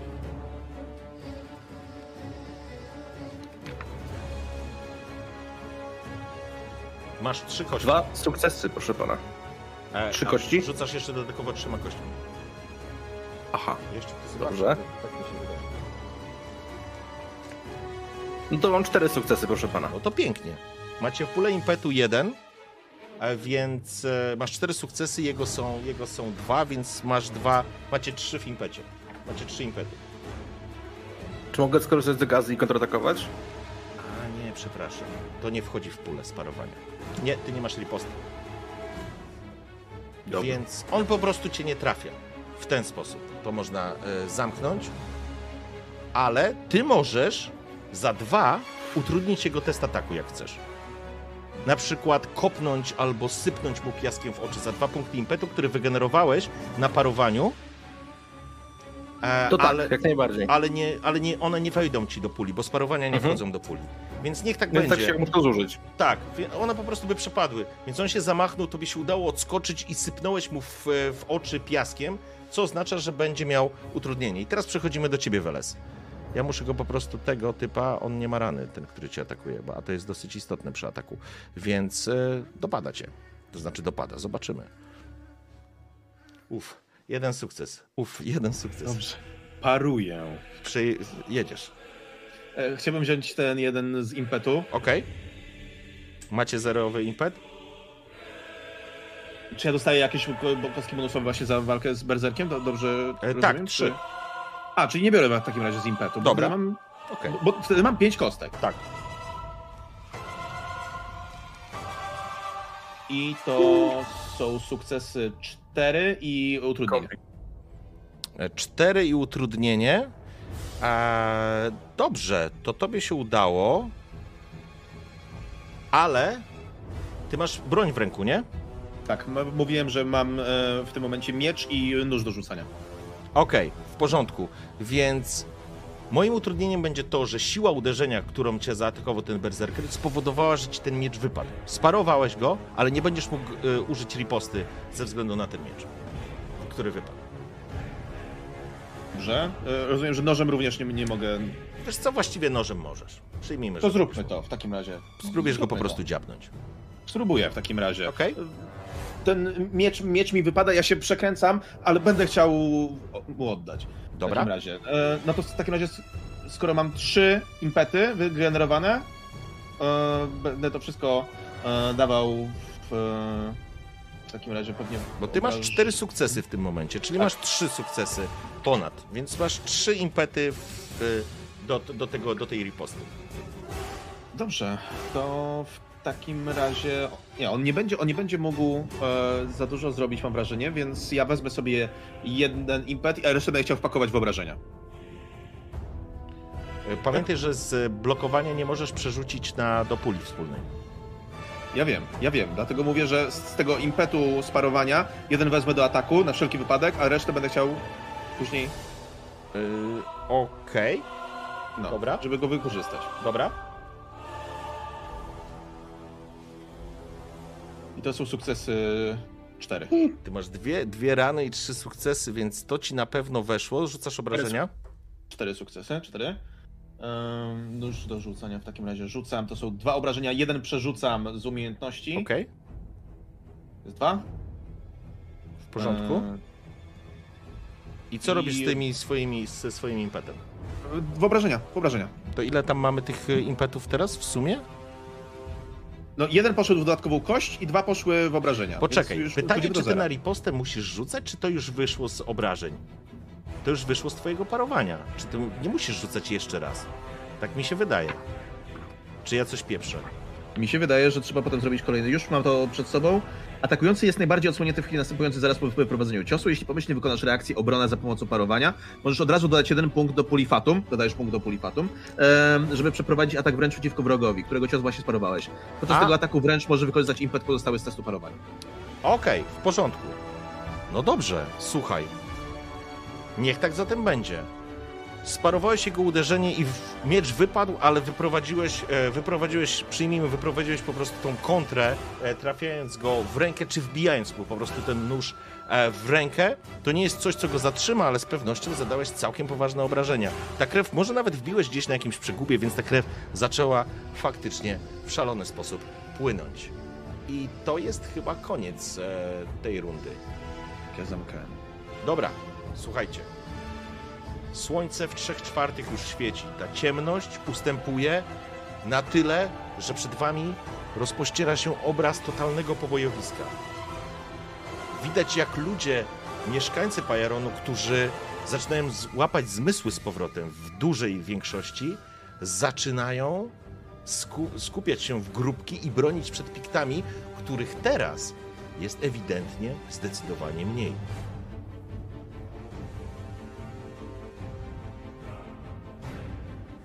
Klaudiusz. Dobrze. Sadik rusza w kierunku bramy. Jakby on nie będzie się zatrzymywał, idzie w kierunku bramy. Co robi Klaudiusz?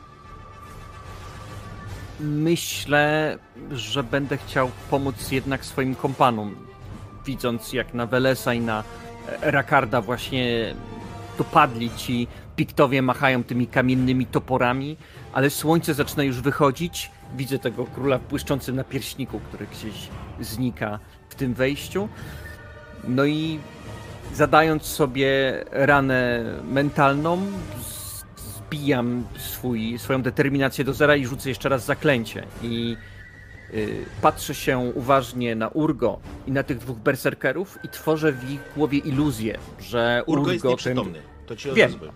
ale oni o tym nie wiedzą. W sensie zaraz zobaczą coś takiego, że Urgo nagle przebudza się, ryczy, pyta miecz oburącz i biegnę, biegnie na nich obu ze straszną prędkością i tnie ich obydwu. Jeżeli mi zaklęcie wyjdzie, albo trzeba wydać fatum, albo dostaną trzy obrażenia na determinację i na wigor. Okej. Jaki jest poziom trudności wtedy? Ile masz z Y- tymi efektami? Tylko na, y, poziom trudności jest dwa, tylko musi mi najpierw wyjść zaklęcie.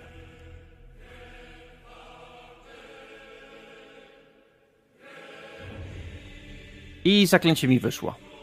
I wyszło mi nawet z dodatkowym sukcesem. Okej. I dzięki temu dodatkowemu sukcesowi mogę na nich dwóch to rzucić. O. Bo wtedy mam trzy zamiast dwóch. Okej, ale masz czternastce. Czyli masz nie sukces na kości. Przy rzuceniu zaklęcia oznacza to komplikacje. Yy, nie, nie, bo ja mam 16 sorcery. A, faktycznie, przepraszam. Racja. A więc mam trzy sukcesy. Rację, to elegancko, wszystko weszło. Dokładnie się, tak, dokładnie to się dzieje, co opisałem. Urgo ryczy, chwyta za miecz i biegnie na nich i oni widzą tą straszliwą prędkość wściekłego barbarzyńcy, któremu oczy świecą się na czerwono. Być może dla nich jest nawet martwy w tej wizji. E, Okej. To co dostrzegacie... E... Poczekaj, to ja jeszcze mogę rzucić za tych moich typów. tak, poziom trudności 2. Dwa, nie? Dobra. Tu rzucam za jednego. Dobra. I teraz rzucam za drugiego. Uuu, Ja przyjmę, że drugi to jest Rakard. Tego drugiego nie. Ten drugi sobie poradził. Mówiąc prosto. Jakby nie przyjął tego, e, tego zaklęcia. Bo on ma w sumie trzy sukcesy. Co w ogóle jest ciekawym wynikiem, naprawdę. Więc on nie poddał się mocy tego zaklęcia. Ale ten, z którym walczył Weles, poddał się tej mocy i zaczyna. I myślę, że Weles, ty po prostu zaczynasz widzieć, jak on, jak on po prostu się cofa. I niech będzie tak, że on się cofając potyka o jakieś ciało, bo tam są również, jest kwestia wigoru, więc on w przerażeniu cofa się do... On ma odwagi, kurczę, to nie jest tak do końca. No ale dobrze, niech tak będzie. On się po prostu cofnie w tym szale i niech będzie jakieś ciało z wyciągniętym mieczem. On się nabije na to. Nie zabije go to, ale się nabije i przyjmijmy, że to jest, że to jest jakiś poziom, poziom obrażeń, który w niego, w niego wchodzi. Weles. Widząc to, ja będę chciał, e, jak on się wywala i nabija się na tym mieczu, będę chciał mu z kopniaka zbić jego własną broń i zacząć go dźgać tym nożem. Okej. Wy macie jeden punkt. A nie, ten impet już wam zszedł, bo on co rundę jeden punkt schodzi, więc jesteście na zero. Ja mam Fatum 7. Dobra, jedziesz. Dwa sukcesy. Dwa sukcesy. W porządku. Obrażenie.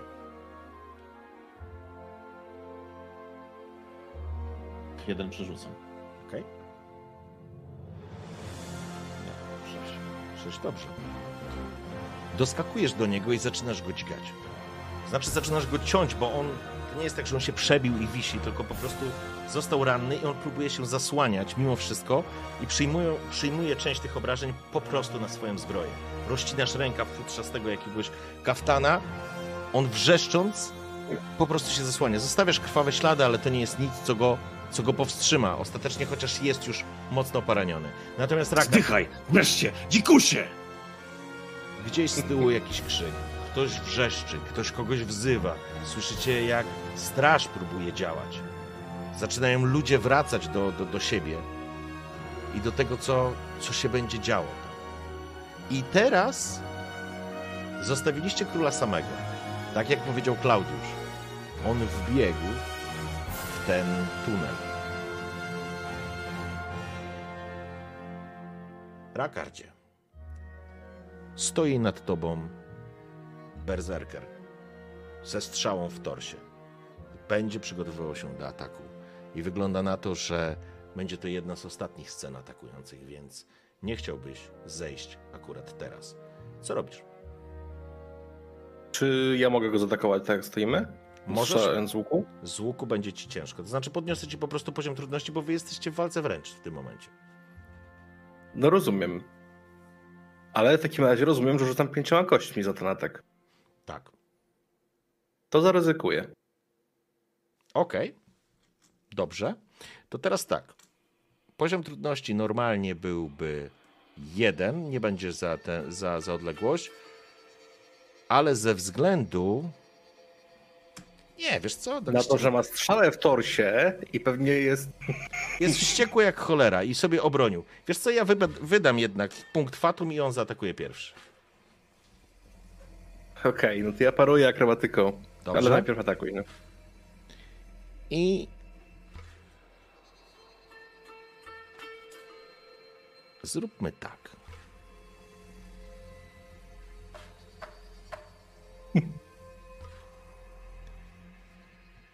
Rakardzie. Poczekaj, bo nam się muzyka jakoś tak zrobiła teraz strasznie spokojna, a to już jest... No właśnie taka złowieszcza bym powiedział raczej. No, no. Zróbmy tak, don, don. Spoglądasz, spoglądasz w jego oczy. On bierze ten topór, trzyma, spogląda się w twoje oczy, wykrzywia się w grymasie, zaczyna hałakować i widzisz, jak tnie sam siebie, oblewając się krwią. Jakby w jego oczach była obietnica tego, co z tobą zrobi.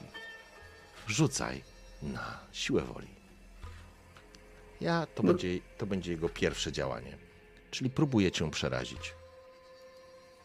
To mu się uda. I gdzie to jest? Zero sukcesów, proszę pana. Zero sukcesów, ale poczekaj, ja muszę rzucić za niego jeszcze. Oj, bo oni mają takie fajne rzeczy tutaj. A że jesteście w bliskim, elegancko. E, dobrze, i to jest. E... Boże, z czego to się rzucało? Yy, D6 chyba w zależności od tego, jaką akcję zrobił. Tak, tak, tylko to się też rzucało na coś. E, co to była perswazja? Jeżeli mu grozi, to chyba tak. To była perswazja, nie? Ja nie pamiętam po prostu, dlatego, dlatego się pytam. Bo Dobra, to ja... można z, z różnych umiejętności chyba robić. yy, Tak walką, jeżeli obetniesz komuś głowę chyba. Eee, poczekaj, sekunda. Aż zobaczę. Nie, to jest po prostu zastraszanie. Dobra, ja rzucam to z, po prostu z perswazji. Zobaczmy. i ma sukces. Więc e, czujesz dreszcz, który przechodzi ci po plecach i zaraz zobaczymy, jak on jest mocny. I to jest cztery. Odwagi nie masz, więc to są cztery punkty obrażeń, które wchodzą w twój mental. Ale, uwaga, mam nowo wzięty fit, który się nazywa... Już mówię, jak on się Okej. nazywa. Dobrze. Nazywa się Urodzony Przywódca. I Okej. wszyscy, którzy są w bliskim zasięgu ze mną, mają tarczę 4 do morale, a ci, którzy są w dalekim, mają 2 do morale. O, to nice. Dobrze, ale ja bym chciał, żebyś coś e, zrobił, coś odegrał w tym temacie, żeby wzmocnić morale swojego towarzysza.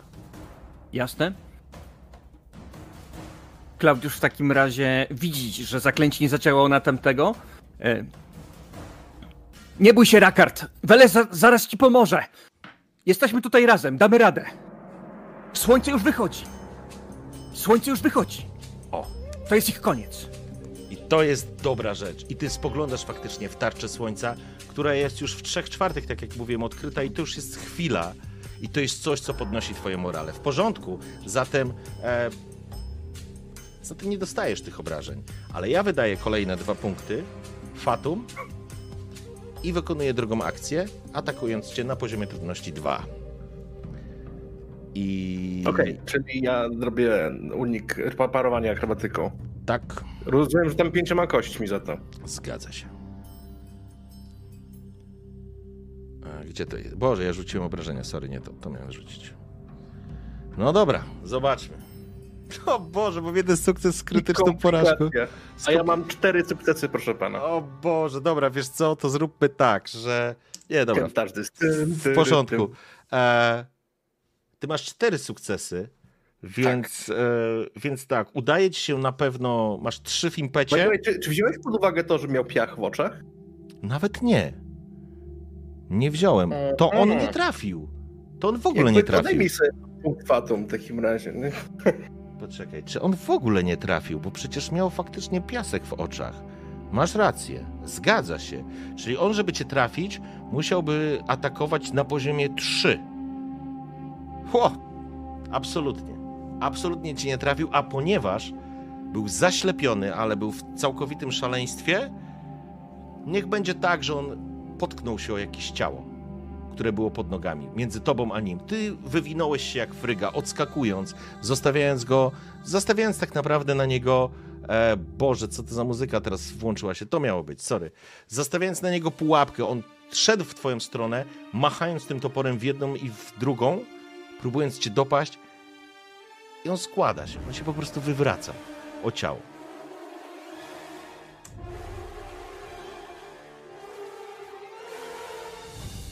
No to jakby korzystając z tego, A poczekaj, bo jeszcze albo mamy, nawet, albo jeszcze nawet w ogóle łapię za mój nóż i po prostu Ale to to będziesz mógł w, kolej... w swojej rundzie to zrobić, bo mamy, mamy jeszcze akcję z Welesem i to już, już, już dobiega... dobijamy do brzegu, szanowni, bo, bo to jest os... jeden z osta... jedna z ostatnich rzeczy. Ja jeszcze w tym szaleństwie spróbuję się do ciebie, do ciebie, towarzyszu Welesie, dobrać. Ale czy mi się uda, to nie wiem. Idę na pełnej. I mam cztery sukcesy.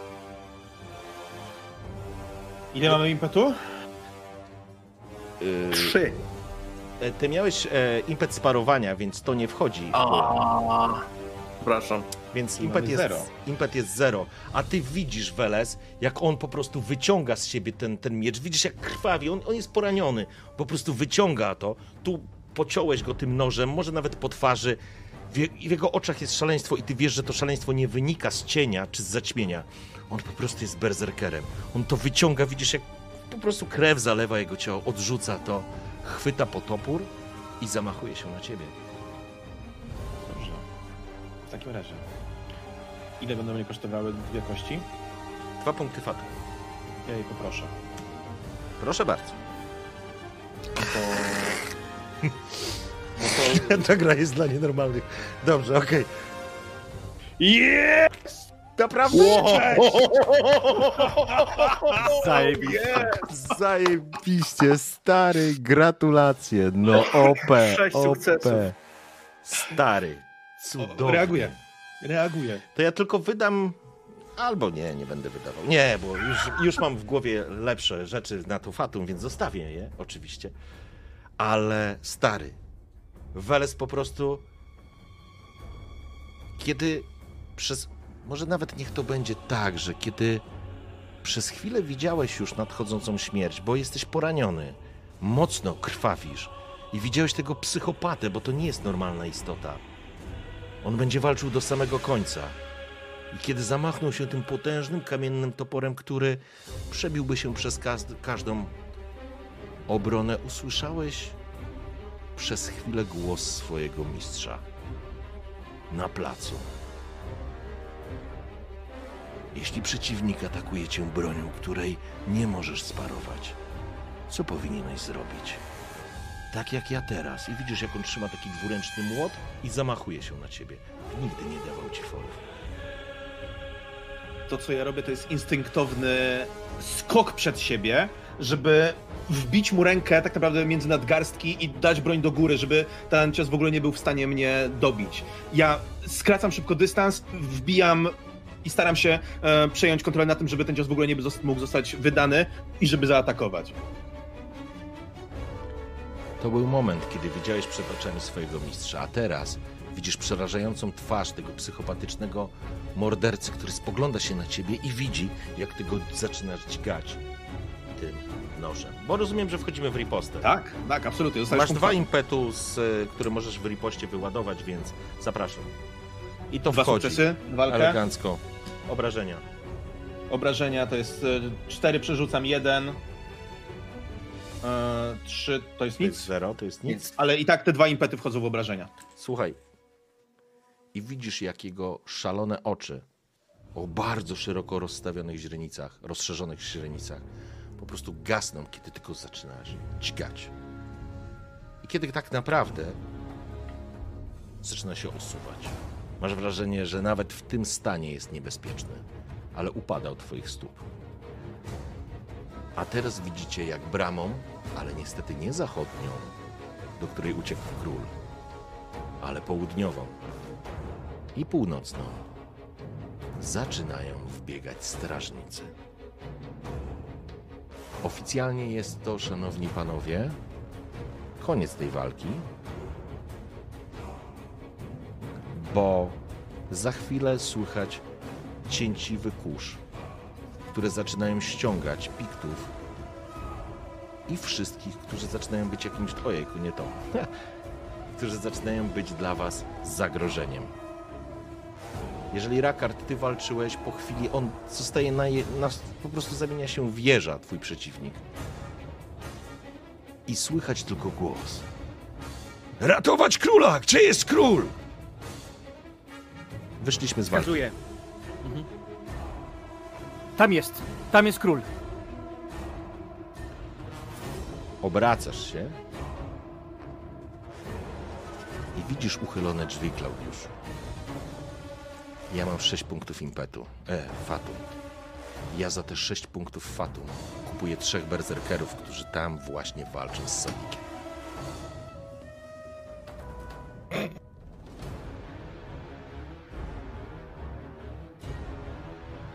Sadik, Szybciej, na co się gapicie? Tam! Sadik Puszczam walczy. się biegiem. Weles, słyszysz? Zaczyna być. Zaczyna szaleństwo wybucha na, tym, na tej arenie, kiedy słońce znowu przejmuje władzę nad nieboskłonem. Kiedy cienie i syczące głosy, i macki, i te wężowate istoty znikają bezpowrotnie, Klaudiuszu. Ludzie zaczynają wrzeszczeć w panice, w szaleństwie. Ktoś płacze, trzymając prawdopodobnie swoją córkę, a może młodą żonę, której przegryzł po prostu krtań. Ktoś płacze, próbując wyciągnąć z ciała swojej ukochanej osoby strzały piktyjskie. Ktoś w szale, podobnie jak przed chwilą Weles, próbuje zabić po raz kolejny piktyjskiego wojownika leżącego rozciągniętego na piachu. Poziom szaleństwa, które jest dookoła was, będzie kosztować was K dwie kostki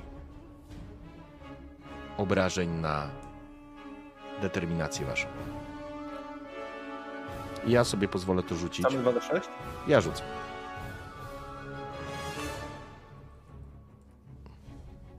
To jest w sumie 6, ale jeżeli ktoś ma odwagę, nie wiem, chyba tylko Urgo A- miał, ale jest przy A was umiejętność kapłan. naszego kapłana? Tak. Więc zakładam, że wszyscy jesteście w bliskim zakresie, więc to są po dwa punkty determinacji. Tak, bo tam cztery jest ten morale daje, nie? Dokładnie tak. Okej, To jest Więc- ten resolve, tak? Mental? tak. A No mi jest- wpada w tym momencie druga trauma. Bo nie mam już y, determinacji żadnej. A, cudownie. Cudownie, więc co się dzieje w głowie Klaudiusza?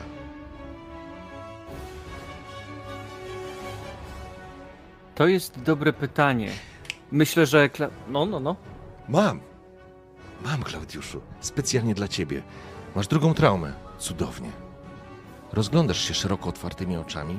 Twoje włosy są przyklejone do spoconej twarzy.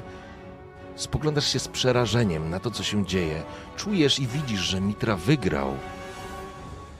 Ale słyszysz głos. Słyszysz szept, który sączy ci się do ucha. Masz wrażenie, że brzmi jak wężowy język. Jakby mówił coś w języku, którego nie znasz, ale w tym wszystkim była obietnica złamania tajemnicy, kroczenia ścieżką, którą nigdy jeszcze nie kroczyłeś. Jakby coś obiecywało ci rzeczy, o których tylko słyszałeś. Pokazując ci mroczną ścieżkę ukrytą w cieniu, z dala od blasku słońca. I teraz powiedz, co się dzieje w twojej głowie. Taka. Taka moc. Ten cień, który setkę ludzi w mgnieniu oka obrócił w lalki. Wszyscy, jak przez sztukmistrza, ciągnięci, jak za sznurki. Cóż to za siła? Jakie. Jakie jest jej źródło? Może ogień należy zwalczać ogniem? Może ogień wypali ogień? Może właśnie trzeba poznać ciemność, by tym lepiej ciemność móc zgasić, zdusić?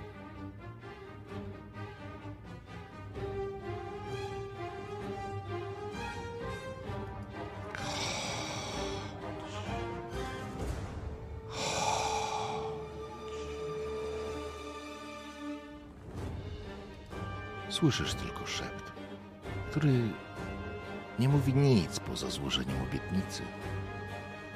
Sięgnięcia czegoś, czego do tej pory nie znałeś.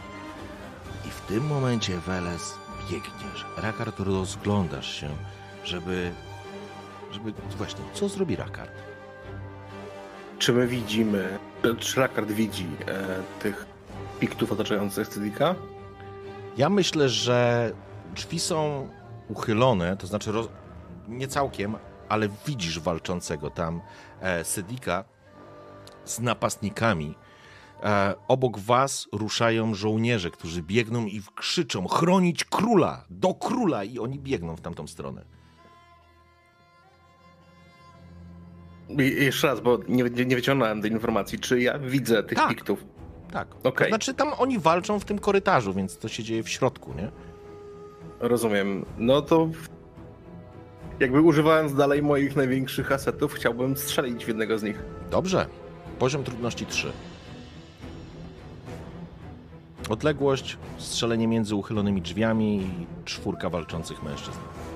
A jaka jest odległość? Bo mój łuk ma daleki zasięg. Nie ma znaczenia. To nie o to chodzi, że nie możesz strzelić, tylko że po prostu trudno ci będzie trafić.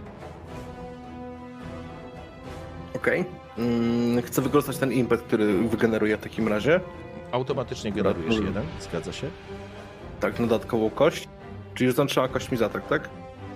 Mm, tak, bo ty możesz za impet kupić sobie dodatkową kostkę. Dwa sukcesy. Strzała poszła i, i ja myślę, że ona wpadła do środka. Albo inaczej, wbiła się w uchylone drzwi we wrota. Na samej krawędzi. Obok was przebiegają żołnierze biegnący w tamtą stronę. Weles, biegniesz razem z nimi, ale, ale po prostu dostrzegasz, jak wpada tam, tam kilkanaście żołnierzy po prostu z, jakby z, ze straży. Po prostu wpada do środka i zaczyna się regularna walka. Widzisz, Sadik jest mocno poraniony. I kiedy wpadasz do środka, widzisz, jak on się opiera o ścianę. Widzisz, że jego zbroja jest zgruchotana. Widać rany na rękach, na nogach. Twarz jest zalana krwią. Ledwo trzyma swoją broń, ale próbuje odpierać. I kiedy widzisz, że przychodzi odsiecz, masz wrażenie, że odetchnął z ulgą. Albo po prostu jest to jego ostatnie tchnienie. Ja będę chciał wbić się przed niego. Jeśli idą jakieś na niego ciosy, będę chciał je obronić, a jeśli tylko się będzie dało, jak chcę go stamtąd wyprowadzić. Porządku, ale to znaczy, że zaryzykujesz jeden, jedną, to znaczy będziesz musiał po prostu y, przyjąć na siebie jedną rundę walki z Berserkerem. Na piątce. Będę mógł Przy parować? Tak, pozwolę ci parować. Zróbmy to. Wiesz, czym ryzykujesz, nie? Nie. No, biorąc Wiem, pod uwagę wiem. twój stan, nie? O tym mówię. wiem, wiem, zdaję sobie z tego sprawę. E, dobrze, w takim razie trzymam kciuki. Ja rzucam na 5. I ja mam. Ojejku, mam trzy sukcesy, ale mam I komplikacje. komplikacje. Okej. Mamy cokolwiek jeszcze impetu? Impet jest. y, Ja widzę jeden. Dobrze, to ja bym chciał poprosić o, o jedną kostkę i ja to Mhm. biorę. Dobra, to wiesz co? Ja zaproponuję ci tak, że w ramach jego porażki obniżę poziom trudności jego pokonania za, za ten. To właściwie na dwa muszę obniżyć. Czyli on ma jeden sukces. Czyli on ma jeden sukces. Tak. Dobrze, to w takim razie ja tylko biorę impet. Okej? Bo ja nie mam lepszego pomysłu w tym momencie. A, a ty masz tych sukcesów cztery. Cztery. W porządku. Zrobimy to już po prostu fabularnie w tym momencie. Bo tak naprawdę wyrastasz pomiędzy królem a zbliżającym się berserkerem, którego który cię nie zauważył, ale nie dlatego, że cię nie zauważył, że się pojawiłeś jak duch, tylko dlatego, że on w swoim amoku nie widzi absolutnie niczego poza celem, który chce zamordować. Sparowałeś jego dwa krótkie uderzenia toporem, po czym wyciągnąłeś, sięgnąłeś po puginał i znanym ci już sposobem rozpłatałeś mu gardło. Reszta żołnierzy wpada do środka, tak naprawdę domykając, zamykając w półokręgach pozostałych dwóch. Przez krótki czas toczy się walka, ale to nie jest istotne dla ciebie, Welesie, bo ty po prostu wyciągasz Sadika, który jest poraniony, opiera się na tobie ciężko i będziecie wychodzić. Klaudiusz i Rakard. Kurczę, nie było przerwy, ale zaraz zrobimy. Na koniec Yy. sesji. Czy widzę, że któryś z moich sojuszników jest e, związany jeszcze walką? Nie, ja myślę, że już nie, bo Rakard już. E... Rakard już nie walczy. Ten jego przeciwnik padł, naszpikowany strzałami. E... Urgo leży nieprzytomny. Leży rozciągnięty na piachu. Wygląda jak trup, krótko mówiąc, ale. No, ale nie widzisz. Jedyne co widzisz to obrzydliwie skręconą nogę. Ja myślę, że Klaudiusz z tymi dwoma traumami stoi gdzieś w cieniu i snuje ten swój wywód a propos ciemności. Właśnie, to mnie propos... bardzo interesuje. Co, co tam Klaudiusz sobie mówi? Myślę, że on kontynuuje to cały czas y, i to w zasadzie są w różny sposób powtarzane te same zdania, że przecież y, ciemność powstaje dzięki światłu i światło i ciemność to dwie strony tego samego medalu. Więc więc mądry człowiek powinien znać powinien znać obie strony zjawiska. Nie powinien patrzeć tylko z jednej perspektywy na wszystko, ale powinien spojrzeć z dwóch. Wtedy dopiero stanie się prawdziwym mędrcem. Nie da się przecież całe życie być w świetle, połowę spędzamy w ciemności. I cały czas tak mówi z przechyloną trochę głową, Mhm. tak półgębkiem. Mocno, mocno jakby psychicznie zesmażony po tym wszystkim, co się wydarzyło. I zostaje ci w głowie ten szept, jakby coś lub ktoś zachęcało cię do tego, abyś zrobił ten krok dalej i dalej.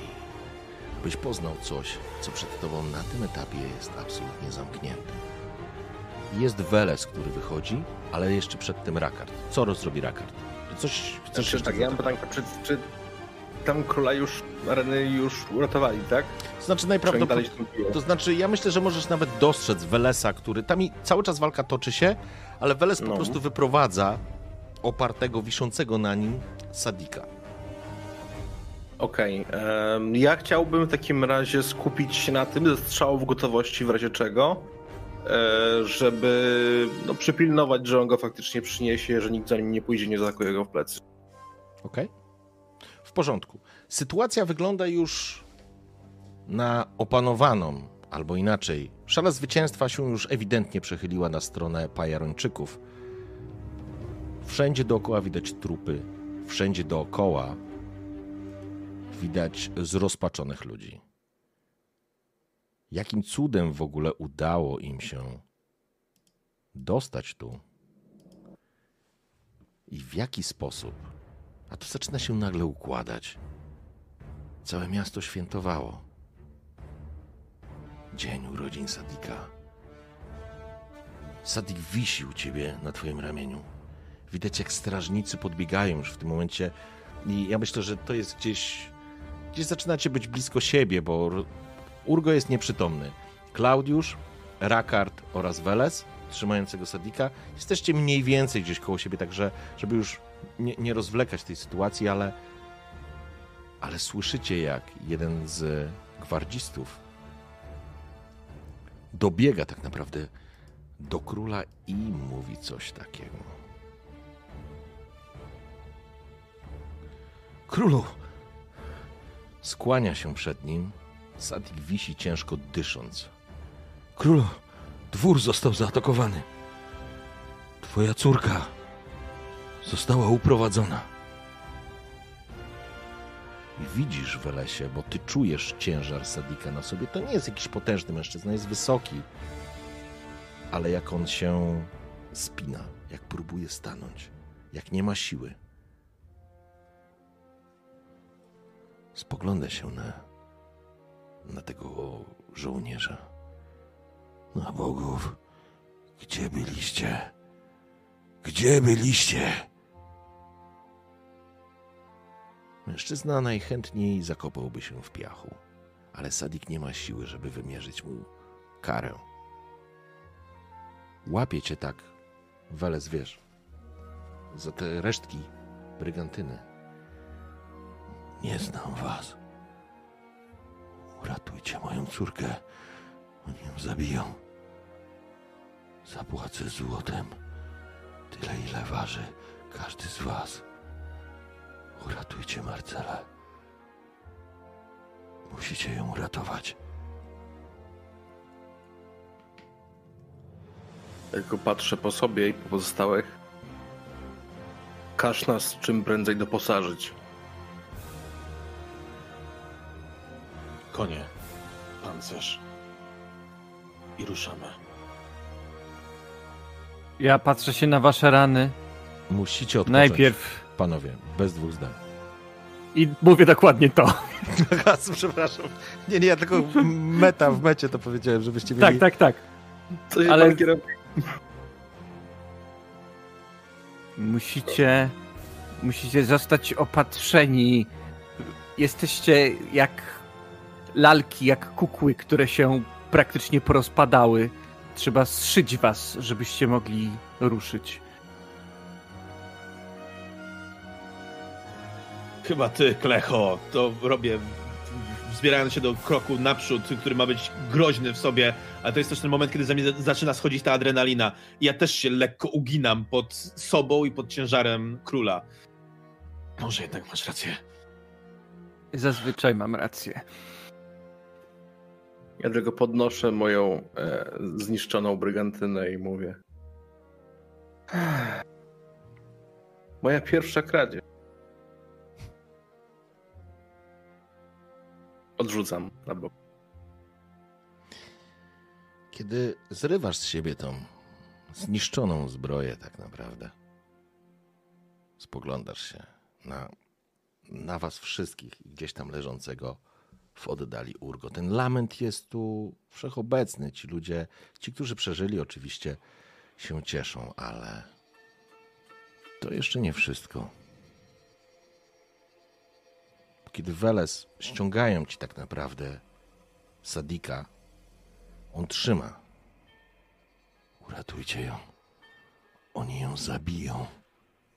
Nie wierzcie nikomu. Oni ją zabiją. I teraz chciałbym, żeby każda, cała wasza trójeczka sobie rzuciła test. Na.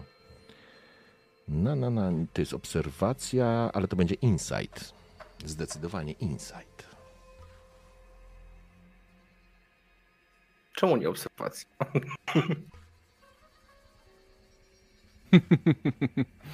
O, Jeden. gratuluję. Okej. O, tylko mi się udało. Nie będę tego utrudniał, ale Rakard, ty stoisz z boku i właśnie ta twoja zbroja upadła w piach. Ale zabrzmiało coś w tym głosie króla takiego, co dało ci od razu do myślenia. Jakby uderzyło w pewną strunę. Nie wiesz dlaczego, może to twoja przeszłość, może to twoja historia. Ale jesteś przekonany, że Sadik nie mówił o piktach.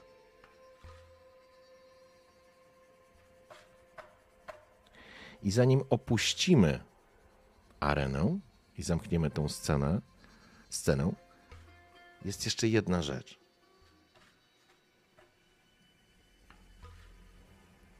Wróćmy do Welesa.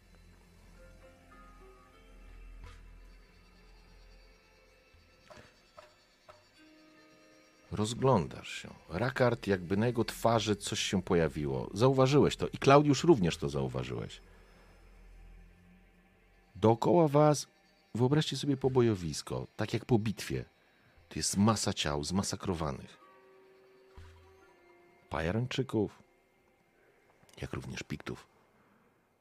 Lament się roznosi. Ale Weles,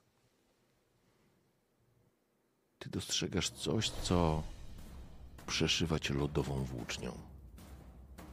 Ja myślę, że i Rakard, i Klaudiusz to dostrzegają. Przypadkowo właściwie, no bo stoicie obok siebie, zakładam. Jak Weles pomimo tych ran, które go przyciągają i przyginają do ziemi, on się prostuje, a na jego twarzy pojawia się niedowierzanie. I nie potrafi tego ukryć i myślę, że absolutnie nie może. Bo Welesie, ty dostrzegasz jak nad ciałem kobiety pochyla się mężczyzna, zawodząc, płacząc w histerii i spazmach.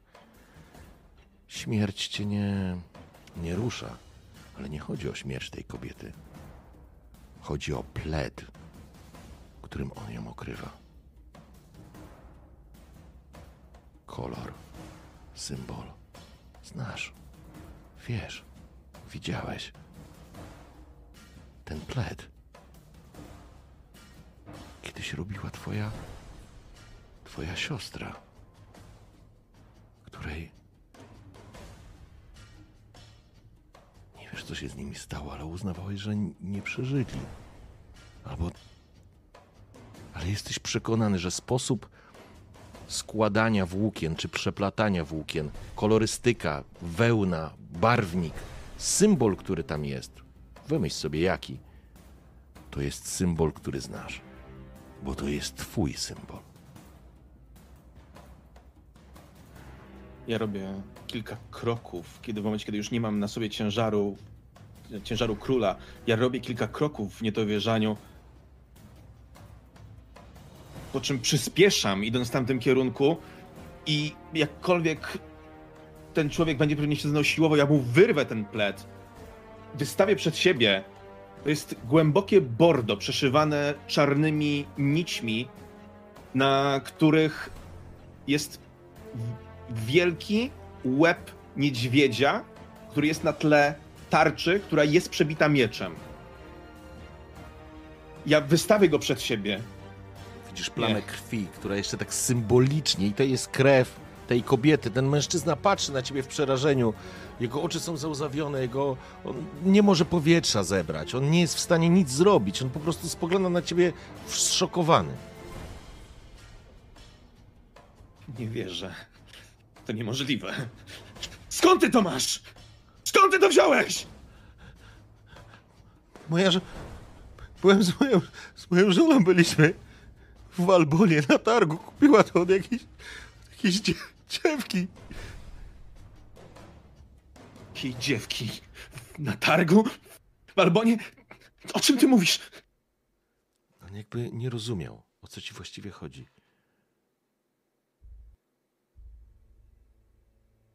Jedną ręką łapię go za, za, za kołnierz. Mów, człowieku! Jest przerażony z bełkotu, który, który wydobywa się z jego rozhisteryzowanego. Z, chciałem powiedzieć gardła. Cały jest rozhisteryzowany, ale to, co, w, co jest w stanie powiedzieć, że na targu w Albonie kupili ten plet, że spodobał się jego żonie, że sprzedawała go jakaś kobieta. A kiedy próbowałeś ściągnąć go za język, jak wyglądała. Właśnie. Jak mogła wyglądać Weles? Jakaś charakterystyczna cecha, bo na pewno ten mężczyzna nie zwracał uwagi na sprzedawczynię, która. która po prostu sprzedawała pledy albo jakieś dziergane rzeczy. Miała dwukolorowe oczy. I kiedy on tym rozhisteryzowanym głosem wybełgotał, że ja nie wiem, jak wyglądała pani, nie, nie wiem. Miała takie dziwne oczy. Jakby każdy z. każdy innego koloru. Nie. Nie, nie. To niemożliwe! Padam na kolana. Ja myślę, że to jest ten moment, kiedy ta cała sytuacja, plus schodząca adrenalina, ból w klatce piersiowej, którym rozpiera mnie. Ja zaciskam kurczowo ręce na tym pledzie. I padam na ziemię, szlochając. Ponieważ uruchomiliśmy Twoją zaszłość, proszę, żebyś sobie dodał punkt losu. A co z Klaudiuszem i Rakardem?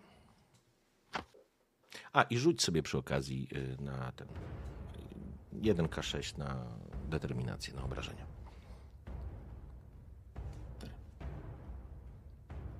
Myślę, że jesteś na tyle daleko, że Klaudiusza tarcza ci w tym momencie nie pomoże.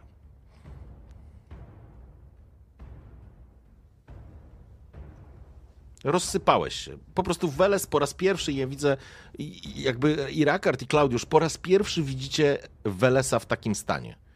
To znaczy, ten gość, który potrafił odlać się na zwłoki świeżo zabitego typa, teraz kwili jak dziecko i po prostu jakby dostał taranem.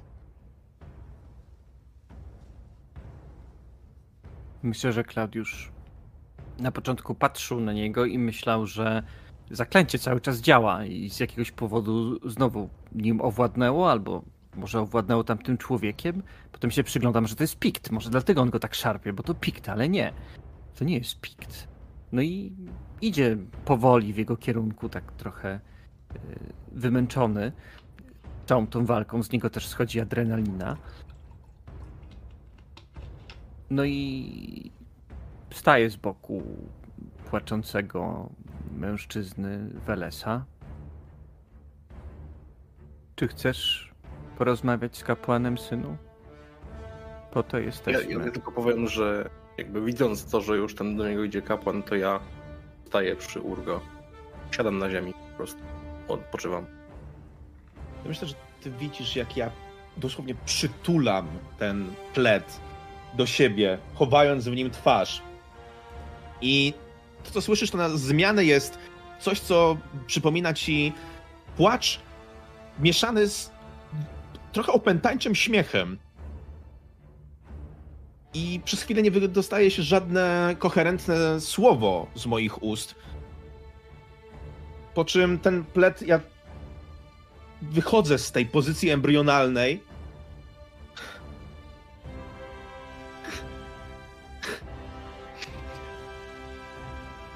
Kapłanie.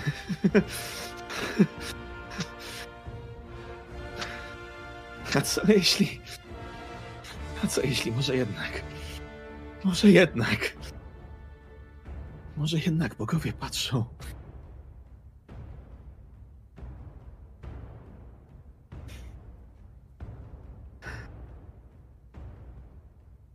Chcesz rozmawiać? Ja nie chcę. Ale przyjdzie pora, że będę chciał. Bo gdy zranicie miecz, wtedy wypłynie z ciebie krew.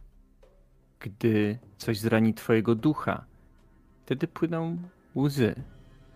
I tak samo jak krew, trzeba zatamować rękami sprawnego medyka. Czasem zdarza się też, że rany na duszy musi ktoś wyleczyć. I czy się wierzy, czy nie wierzy, to my, kapłani, jesteśmy w społecznościach ludzi po to, żeby leczyć jedne i drugie rany. A więc nie ma wstydu w łzach i nie ma wstydu w tym, że ktoś musi ci pomóc, gdy płacz zalewa twoje oczy, tak że przestajesz widzieć dokładnie, co jest przed tobą. Jakby co, jestem dla ciebie. Słyszysz śmiech. W swojej głowie, Klaudiuszu. Zostaw tego chłopca.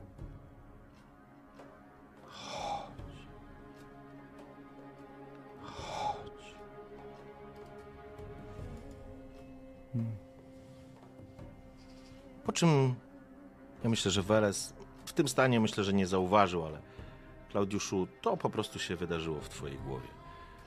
Zanim do ciebie wrócimy jeszcze na chwilę, do was. Rakard, co ty zrobisz?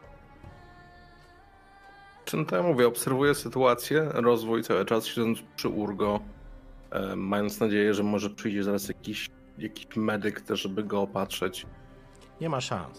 Się Medycy- kogoś nawołać nawet, jeśli ktoś, kogoś widzę. Znaczy, jeżeli tu są jacyś felczerzy w tym momencie, albo kapłani, albo akolici, którzy faktycznie zaczynają tutaj się pojawiać, to jakby rannych i potrzebujących jest tak wielu, że, że trudno będzie. No, oczywiście możesz kogoś spróbować tutaj ściągnąć. Wydaje się, to znaczy on żyje. Z pewnością żyje, ale jest nieprzytomny. No i wiem, że jest pokierowany mocno, dlatego właśnie mam nadzieję skrócać sytuację, żeby ktoś właśnie może spróbował go opatrzyć. W porządku. Ale wróćmy jeszcze na chwileczkę do Welesa i Klaudiusza. Może tak bezceremonialnie wam przerwałem, ale to coś, Klaudiuszu, siedzi gdzieś tam, szepcze. A może to twoje tymczasowe szaleństwo?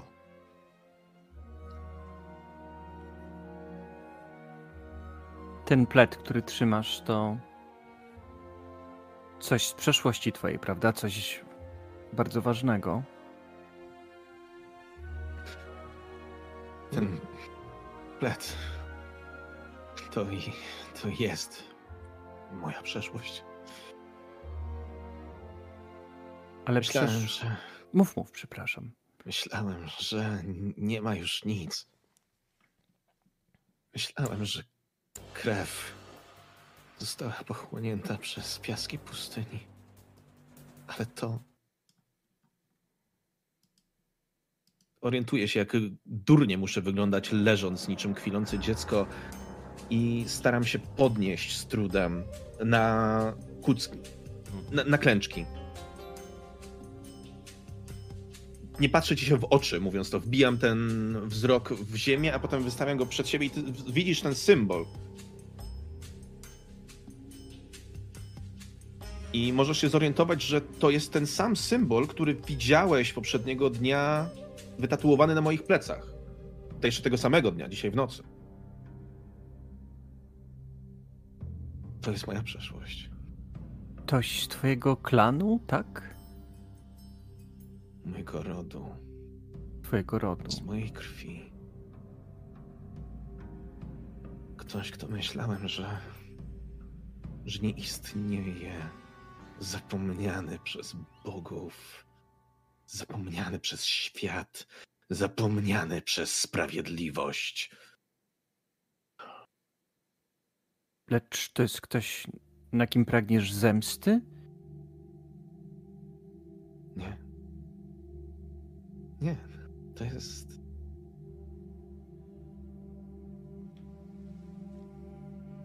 Osoba, której. Której zemsta nie jest wpisana. To jest.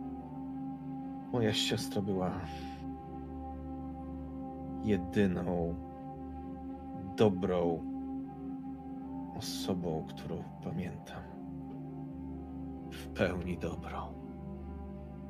I to jest znak, że może żyć, że możesz się z nią spotkać i możesz z nią porozmawiać. Kapłanie, wnioski, które wyciągasz, są oczywiste, ale nie dawaj mi martwej nadziei. Ja ją już pochowałem. Być może pochowałeś ją za wcześnie. Miałeś za dużo nadziei na to, że twoja przeszłość umarła. A jednak jest przed tobą, widzisz ją i to normalne, że się boisz, bo gdy coś jest nam bliskie i coś kochamy, boimy się, że to coś może zostać zniszczone przez horror, który żyje w tym świecie, do czego obaj doszliśmy i z czym oboje się zgadzamy. Lecz na szczęście są na świecie ludzie, którzy mają siłę, by tą siłą chronić to, co jest delikatne i piękne.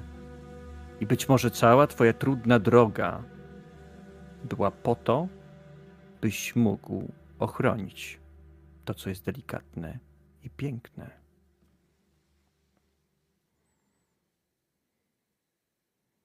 Wystawiam w twoim kierunku rękę, jakby prosząc o pomoc w podniesieniu się. Ja w komiczny sposób próbuję cię podnieść, trochę tak ciągnąc obiema rękoma. To na pewno nie jest łatwe, ale ja chcę ci pomóc w tym. Chcę sam sobie pomóc. I Tak, jest to się- symboliczny, symboliczny I- gest bardziej. i oprzeć się na tobie. Ten, ten plet jeszcze obwieszam sobie naokoło szyi, tak że symbol ląduje mi na plecach.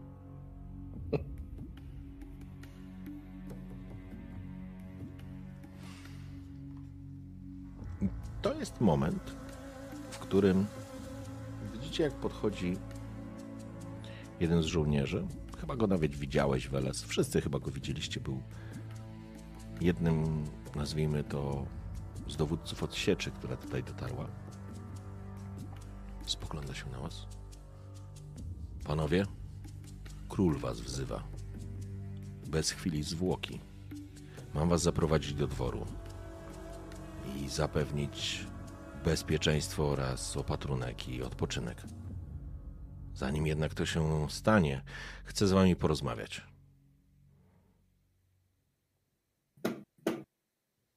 Mamy uszy, możesz mówić w nasze uszy, nie będziemy ich zatykać. Spogląda się na ciebie trochę jak na szaleńca. To muszę zaprowadzić was do dworu. Czy możemy już ruszać? Tak, ale musisz pomóc nam, bo ten osiłek, który leży na środku, to nasz przyjaciel i towarzysz. A więc będziesz potrzebował, myślę, że spokojnie ze trzech ludzi, żeby przewieźć tą górę mięsa. Uszkodźcie mu bardziej nogi. I słuchajcie, chcę zamknąć tą scenę, dochodzi 11. Mm, Zrobimy w końcu przerwę higieniczną. To ważne, to jest istotne, bo wszyscy już mamy duże oczy. Ja już mam na pewno, mam wrażenie, że dotykają mi szkiełek okularów, e, ale... Ja na, na czacie Discordowym naszym napisałem, że wydaje mi się, że po prostu jest jakaś zasada, że jak nawalimy w gacie, to dostajesz 10 fatum. Przepraszam was, ja nie czytam Discorda podczas sesji, e, ale z, zawsze jest standardowo o 21.30, drugi termin jest 22, e, ale już trzeba. Ja tylko chciałbym jedną rzecz dodać przed przerwą. E, po prostu pokazujcie jakiś timeout, cokolwiek, wtedy ja, ja, ja to widzę i robimy przerwę. I rozumiem, że to jest ten czas. Już nie będę przedłużał, tylko chciałbym wiedzieć, jak w ogóle wyglądają wasze rany? Kto ile ma jakiś ran? Ja mam minus 5 wigoru, ale nie mam rany. A i dwa mentale. Czyli masz zero wigoru tak naprawdę. Będziesz miał zero wigoru, czyli każde dodatkowe trafienie dałoby ci rany. Kurczę, czemu nie wiedziałem? Nie, nie, mam jeszcze 3 wigoru. W sensie mam maksymalnej ma, otrzymałem 5 wigoru ran. Okej, okay, ale zbroje macie zniszczone, więc dobra, okej, okay, to jest to. Weles ma dwie, kapłan jesteś na, na czysto, nie? Ja Ty jestem na czysto, ale mam dwie traumy. Ty masz traumy, mhm. w porządku. I Urgo na pewno będzie miał jedną ranę wynikającą z, z tej nogi. No. Bo, bo, bo, bo to będzie wymagać zaleczenia. Więc jak rozumiem, kiedy zabiorą Urgo, udacie się do tego dworu na wizytę. Tego. Okej, okay, w porządku. Więc zamykamy tą scenę, kiedy wychodzicie z tego pobojowiska i wchodzi w taki kontrast, bo większość z was, już, już kończę, tylko, tylko dodam ten opis Większość z was jest uchlapana juchą od góry do dołu. To znaczy Weles, absolutnie, Rakard, Urgo. Klaudiusz, może mniej, ale spocony, przegrzany przy tym gorącym słońcu, przypominam, że to jest Zingara. I kiedy wychodzicie z tej areny, zostawiając za sobą pobojowisko i masę śmierci, przed wami jest piękne miasteczko Pajaron, przynajmniej część wycinek jego, który jest ozdobiony girlandami kwiatów, jakimiś lampionami, bo przecież miało być święto. Ale nikt nie chciał słuchać głupca, który zapłacił życiem. Niemniej jednak ruszacie w kierunku dworu. Jedna rzecz, która mogłaby zastanowić, to fakt, że stojący Dario oraz jego ochroniarz mierzą tylko wzrokiem leżącego i nieprzytomnego Urgo, ale żaden z nich nie zatrzymuje was. I to jest moment, w którym robimy higieniczną. Także czaty, to jest ten czas. Uf. Dobry wieczór. Witam Państwa po krótkiej przerwie higienicznej. Mam nadzieję, że jesteście gotowi i będziemy mogli sobie domknąć ten wątek.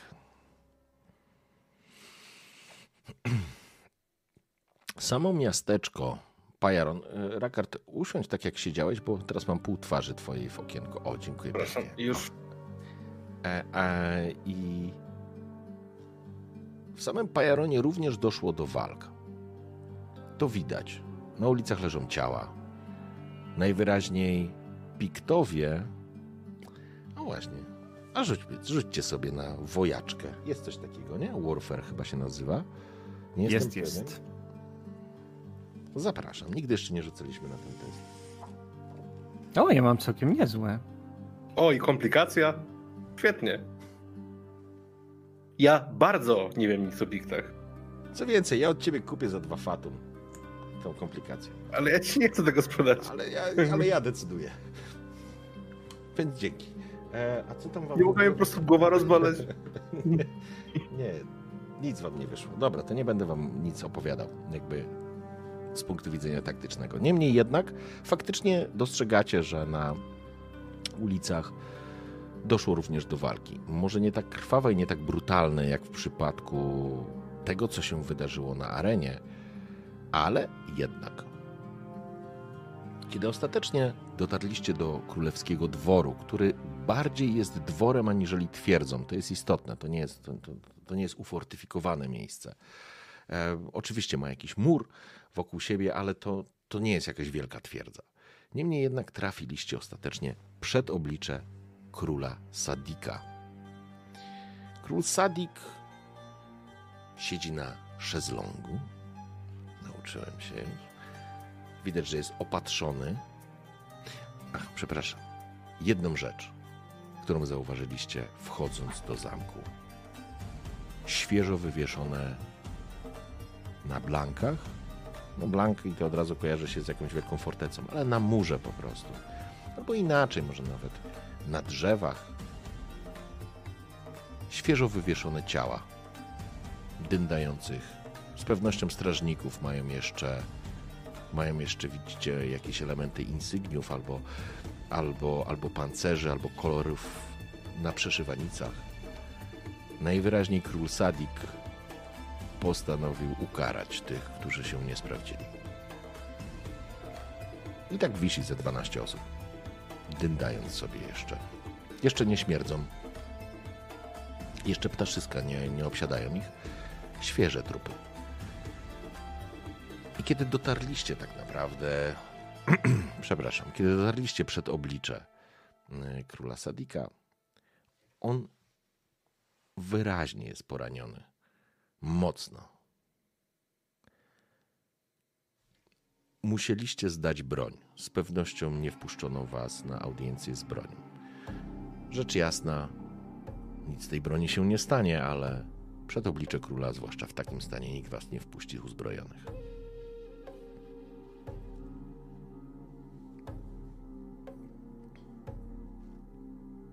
Czy próbujecie coś ze sobą przemycić?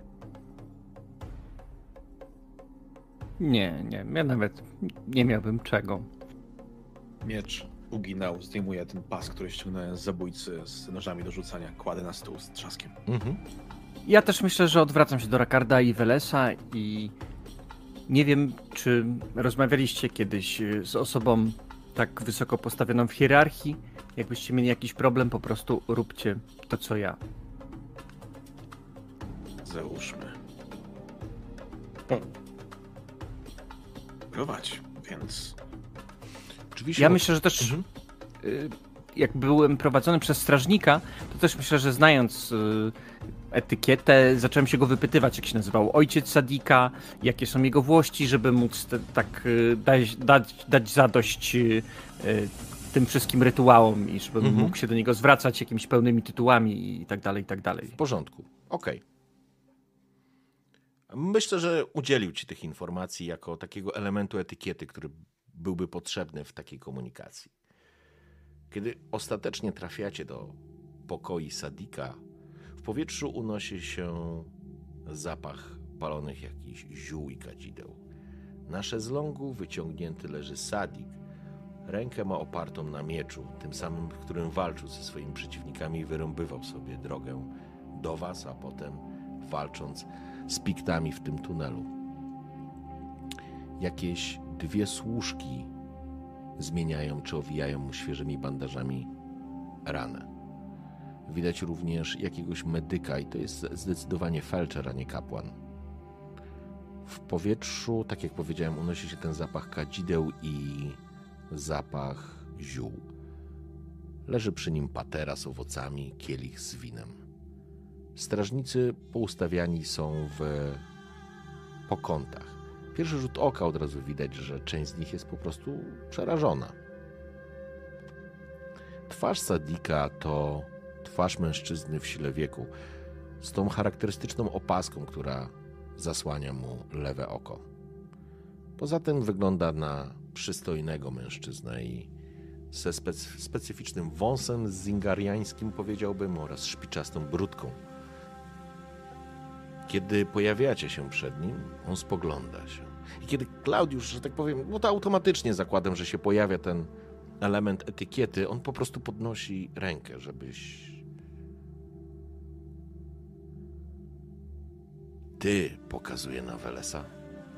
Ty uratowałeś mi życie, a twoje lotki widziałem w ciele mojego ochroniarza, który oszalał. Nie musicie, ma za się, nie musicie się mi kłaniać. Siadajcie. Waszym towarzyszem zajmie się felczer.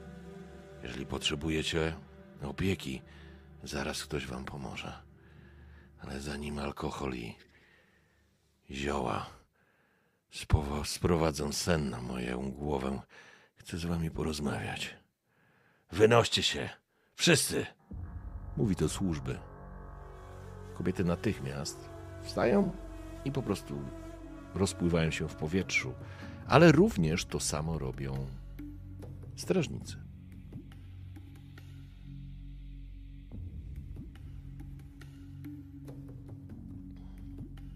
To myślę, że Klaudiusz, rozumiejąc, że jest takie totalnie nieformalne spotkanie, po prostu sobie siada, odwracam się do Welesa i Rakarda, mówiąc a teraz możecie robić tak naprawdę, co chcecie.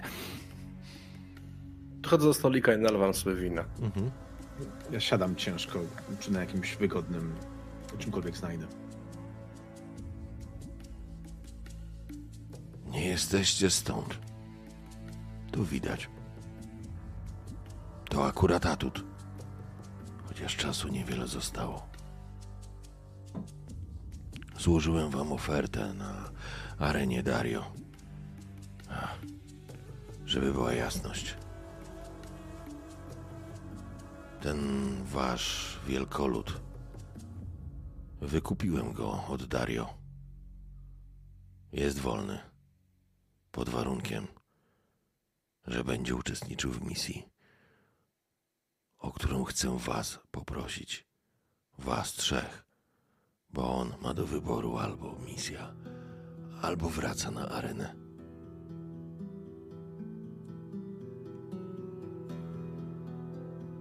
To, co widzieliście na arenie, to był tylko piach w oczy i próba zamachu na mnie. Nie pierwszy raz, ale nigdy rękoma piktów nigdy taką siłą. Bycie królem jest bardziej niebezpieczne niż bycie wojownikiem na pierwszej linii walk. Ale z tymi to ja sobie poradzę. Bo nie o mnie mi chodzi.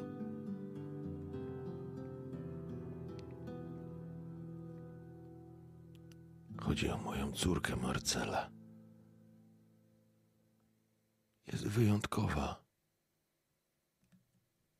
Mitra ją dotknął i dziecko jest nieświadome tego, co się dzieje dookoła niej.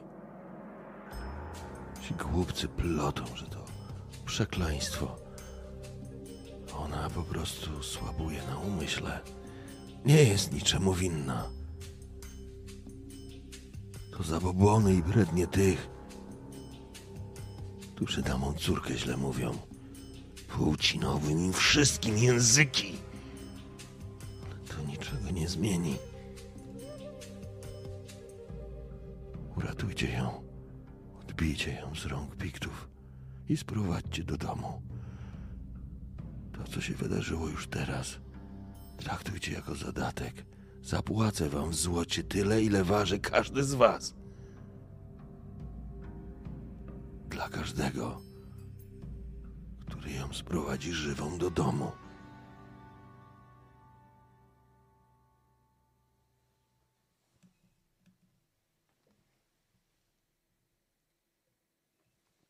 Panie. Czy to.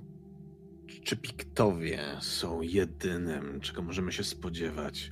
Czy doprawdy piktowie są jedynym, co nastawało na pa Pajaron? Czy możemy się spodziewać kogokolwiek więcej niż dzikusów w tym wszystkim? Niebawem, z pewnością, wyruszy wyprawa ratunkowa. Oczywiście za księżniczką Marcelą. Będzie prowadzone przez takiego skurwysyna. Nazywa się Alejandro. I jestem przekonany, Patrz na kapłana, na ciebie, Klaudiuszu. To nie język świątyń, ale wy, wy wyglądacie na tych, którzy mordowali na pierwszej linii. nie straciłem oka na polowaniu, tylko w walce. Jestem przekonany, że ten gnój zrobi wszystko, żeby Marcela nigdy nie wróciła do domu. Jeśli nawet udałoby się mu ją odnaleźć, to ją zamorduje, a mi powie, że zrobili to Piktowie. Dlatego nie chcę polegać na nich, na moich panach arystokratach, którzy tylko knują, aby zepchnąć mnie z tronu. Ale na was, na cudzoziemcach, wam wszystko jedno. Pomóżcie mojej chorej córce. Sprowadźcie ją bezpiecznie do domu. Pytasz się, kto może tam być. Nie ufajcie Alejandro i jego ludziom. Oni zrobią wszystko, żeby ona nie wróciła. Żeby mnie pognębić. I to oni ściągnęli Piktów do miasta. Nie mam dowodów. Gdybym miał, powywieszałbym ich jak tych głupców, którzy nie upilnowali dworu. Tak, bo jeżeli tak było, to trudno mi wyobrazić sobie, by zasługiwali na coś innego. Sprowadzili tutaj czarnoksiężnika, który był na tyle potężny, że potrafił wyliczyć lepiej niż sam Epimetrius, kiedy nastąpi to zaćmienie słońca. Więc na pewno nie jest to byle kto i myślę, że Piktowie, gdy zobaczyli jak łatwo jest wejść tutaj, będą próbowali po raz kolejny. Raz daliśmy się zaskoczyć, kapłanie. Ale wyciągam wnioski. Drugi raz się nie damy zaskoczyć. A jeśli uda mi się odkryć cokolwiek na któregoś z moich arystokratów, rozwiążemy wiele problemów w krótkim czasie. Ale nie zrobię nic, jeśli będę miał świadomość, że ci barbarzyńcy co oni mogą zrobić z moją córką? Skoro mówisz, że została dotknięta przez Mitrę, być może to była rzecz, która nakłoniła kapłana Piktów, żeby tutaj wszedł. Może być dla nich wspaniałą ofiarą, albo mogą słuchać jej głosu, tak jak mogliby tutejsi ludzie. Kto wie, może twoja córka jest wyrocznią. Jakby wróciła i faktycznie jest dotknięta przez Mitrę, może rzecz, która była uważana dawniej za przekleństwo, stanie się błogosławieństwem i symbolem pojednania Twojego królu z bogami. Chciałbym w to wierzyć, kapłanie. To nie tak, że nie wierzę w bogów. Ale wychodzę z założenia, że im mniej mieszają się do naszego życia, tym to nasze życie jest bardziej przewidywalne. Kiedy Marcela się narodziła, również było zaćmienie słońca. Może nie tak duże, nie tak mocne, ale od tamtego czasu ci biedni głupcy oczekiwali, że ją, że ją zabije własną córkę, że oddam ją rzece. Był taki baron. Długo umierał. I to zamknęło im pyski. Sekunda.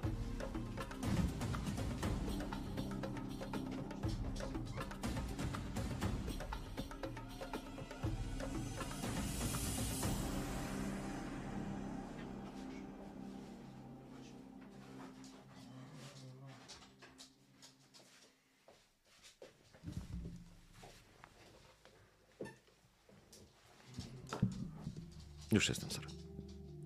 Dlatego królu, mm, bo interpretacja narodzin twojej córki być może była poczyniona przez y, kapłana, który nie potrafił tego zrobić dobrze i tą interpretację należy zrobić po raz kolejny, tak żeby nikt nie miał wątpliwości, jaki jest status twojego dziecka. Rozmawiałem o tym z Naharim, ale...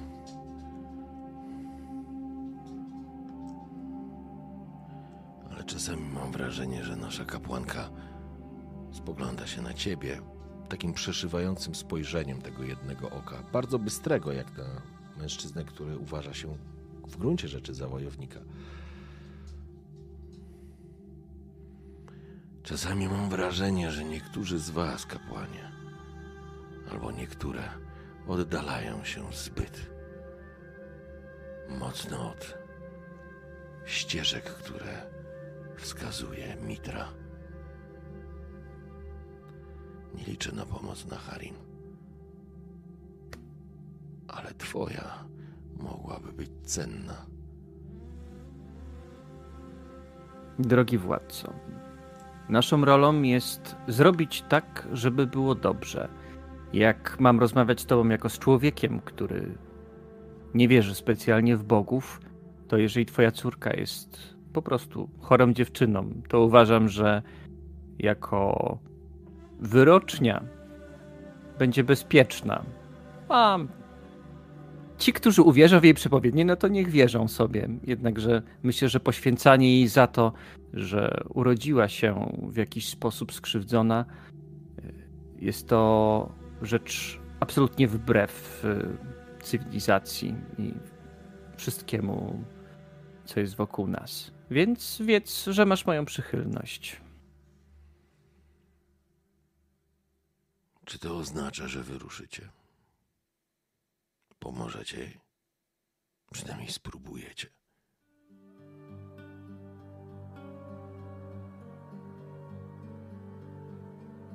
Kim jesteśmy, by odmówić wielkiemu władcy? Jedynie Przestań tyłem pierdolić, mówi do ciebie. Uratowałeś mi życie. Więc może mało szlachecko się do ciebie zwracam. Ale na polu bitwy wolę mieć osoby, które może brzydko mówią, ale wiem, że mam plecy. Chronione przez osoby, które się na mnie nie wypną.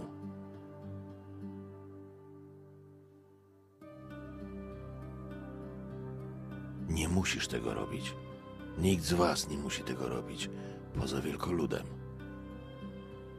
Chociaż też będzie mógł podjąć decyzję. Zawsze może wrócić do Dario.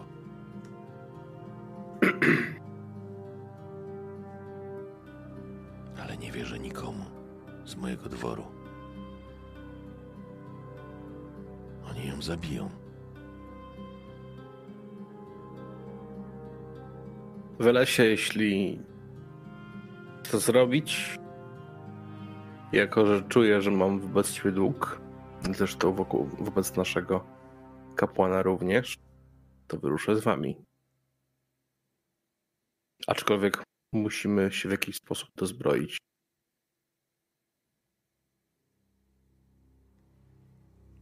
Zrobię to. Dobrze, zrobię to. Pod jednym warunkiem. Jesteś królem. I może przyjść dzień, kiedy poproszę cię o królewską przysługę. Ten dzień może nie nadejść. Ten dzień może nigdy nie nastąpić. Być może zginę za parę dni. Ale może przyjść dzień, gdzie będę potrzebował pomocy kogoś o twojej potędze. Zgódź się, a zrobię wszystko, co w mojej mocy, by twoja córka wróciła całą. Sprowadźcie Marcelę żywą wypełnię wszystkie swoje zobowiązania. Wróćcie z informacją, że zginęła. Uwierzę wam. Również wypełnię zobowiązania.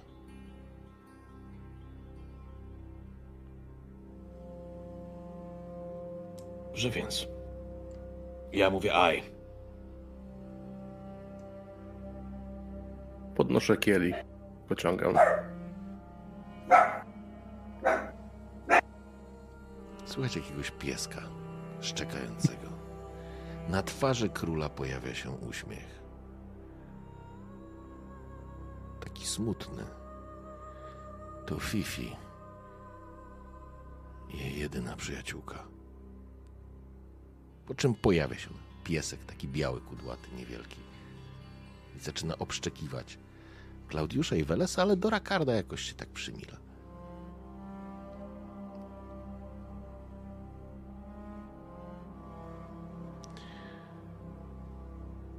Zatem możemy domknąć. O, właśnie Fifi się pojawił. E, zatem możemy domknąć tą scenę, bo jakby z punktu widzenia Sadika, jeżeli potrzebujecie nowej zbroi, to tą zbroję absolutnie dostaniecie. To w ogóle nie ma dwóch zdań. Chociaż w waszym stanie najważniejsze jest teraz, żeby was opatrzono, żebyście mogli chwilę odpocząć i tak naprawdę realnie, żeby nie używać cały czas tego słowa, słowo po prostu weszło mi strasznie do głowy. I realnie jesteście w stanie najszybciej wyruszyć na drugi dzień po tym, jak prześpicie się. Mechanicznie co to oznacza? Wasze rany zostaną rany, czyli te najpoważniejsze uszkodzenia waszego ciała zostaną wyleczone, to znaczy zaleczone, nie wyleczone, to ważne, zaleczone. Czyli będzie dokładnie tak, jak było w przypadku Rakarda. O tak jest. Dodatkowa rana, jakakolwiek, natychmiast nie dość, że pojawia się, to jeszcze otwiera wasze wszystkie rany. Więc jak masz Weles 2, dwie, przepraszam, to rana będzie 3. I ale to na pewno się wydarzy i to się wydarzy, słuchajcie, fabularnie. No znaczy fabularnie nie będziemy, nie będziemy wchodzić już w rzuty czy, czy w, jakieś takie dodatkowe działania. Um, jesteście tutaj bezpieczni. Oczywiście jest to dwór królewski, więc są również arystokraci, są służący, więc wy jako goście królewscy jesteście traktowani iście po królewsku. Więc absolutnie niczego wam nie brakuje. Urgo jest nieprzytomny, ale również został już, ta noga mu została usztywniona. Okazało się być może, albo w Klaudiusz, że jakby jesteś w stanie, czy ty, czy, czy, czy medyk mu tak to poskładać, że on będzie może kulał, ale to nie będzie sytuacja, która go całkiem wyłączy, nie? Więc e, jakby traktujemy rany, że one są zaleczone, ale mogą się otworzyć. Natomiast jest jeszcze jeden element bo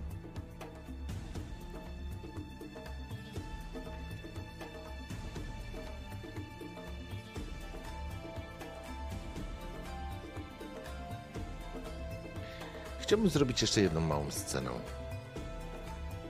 w której w królewskich ogrodach pod wieczór, kiedy już, tak powiem, wieczór zapadł, czyli jest już stosunkowo późno, pięknie unosi się zapach kwiatów, jest jakiś szum niewielkiego strumienia, który gdzieś sobie tam przepływa, czy może jakieś fontanny bardziej nie strumienia. I kiedy siedzicie w jakiejś takiej altanie, popijając lekko słodkawie, słodkawe pajarońskie wino, zajadając kawałkami sera, winogron i orzechów, e, Urgo już doszedł do siebie i myślę, że była jakaś scena, ktoś z Was, czy wszyscy z nim rozmawialiście, ale to już przejdziemy sobie na kolejnej sesji, na zasadzie takiej krótkiej zwrotki. Także wszystko z nim w porządku, ale odpoczywa. Zresztą Wy też musicie odpoczywać. Ale chcę zrobić jeden moment.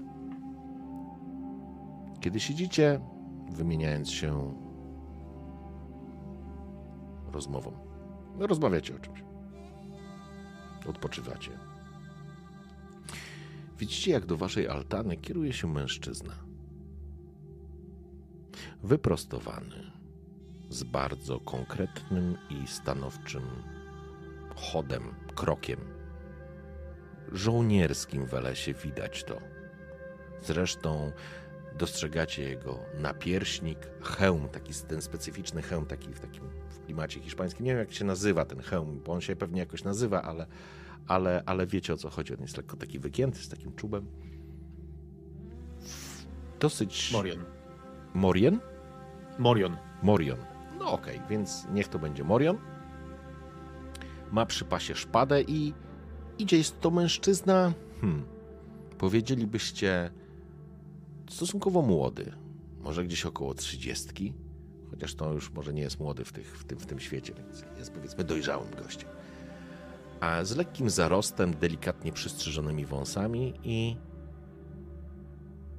przystojną twarzą, jak na mężczyznę rzecz jasna. Podchodzi do was. Dobry wieczór. Czy Dobry znajdą, wieczór. Czy znajdą panowie chwilę, aby porozmawiać? Nazywam się Alejandro. Ależ oczywiście zapraszamy. Uśmiecha się. Odpina miecz, tak żeby mu nie przeszkadzał, opiera go, siada. Cieszę się, widząc was w lepszym zdrowiu. Słyszałem, czego dokonaliście na arenie. Kapłanie, jestem pod wrażeniem, ale również i waszej odwagi, i tego heroicznego, heroicznej obrony króla. To chyba. U nich, u nich to była odwaga, u mnie to była bardziej głupota, bym powiedział. W jeden czy w drugi sposób, sza, szlachetny kapłanie, jestem przekonany, że staliście się bohaterami Pajaronu. Gdyby nie te przykre wydarzenia, wynikające z tak wielu niedociągnięć i problemów naszego miasta, myślę, że byśmy dzisiaj świętowali, a nie opłakiwali bliskich. To prawda. Niesamowite, jak ci piktowie, że mają taką kulturę, że są w stanie przestawać z takim szamanem, takim czarnoksiężnikiem, który zajmuje się tak plugawymi rzeczami. Myślę, że każdy człowiek, który posługuje się taką mocą, musi być przeklęty i skończyć w jakiś straszliwy sposób. Bardzo bliski jesteś prawdy, kapłanie. Z pewnością twoje oczy przebijają cień i widzą, co tu się faktycznie dzieje. Marok i klątwa wisi nad naszym miastem od lat. Od czternastu lat. I nikt z tym nic nie robi. Nie znam was, ale, ale Mitra musiał postawić was na mojej drodze. Jako tych, którzy mogą wyzwolić Pajaron od klątwy i przekleństwa, które, które toczy go od środka. Wiem, że rozmawialiście z królem Sadikiem.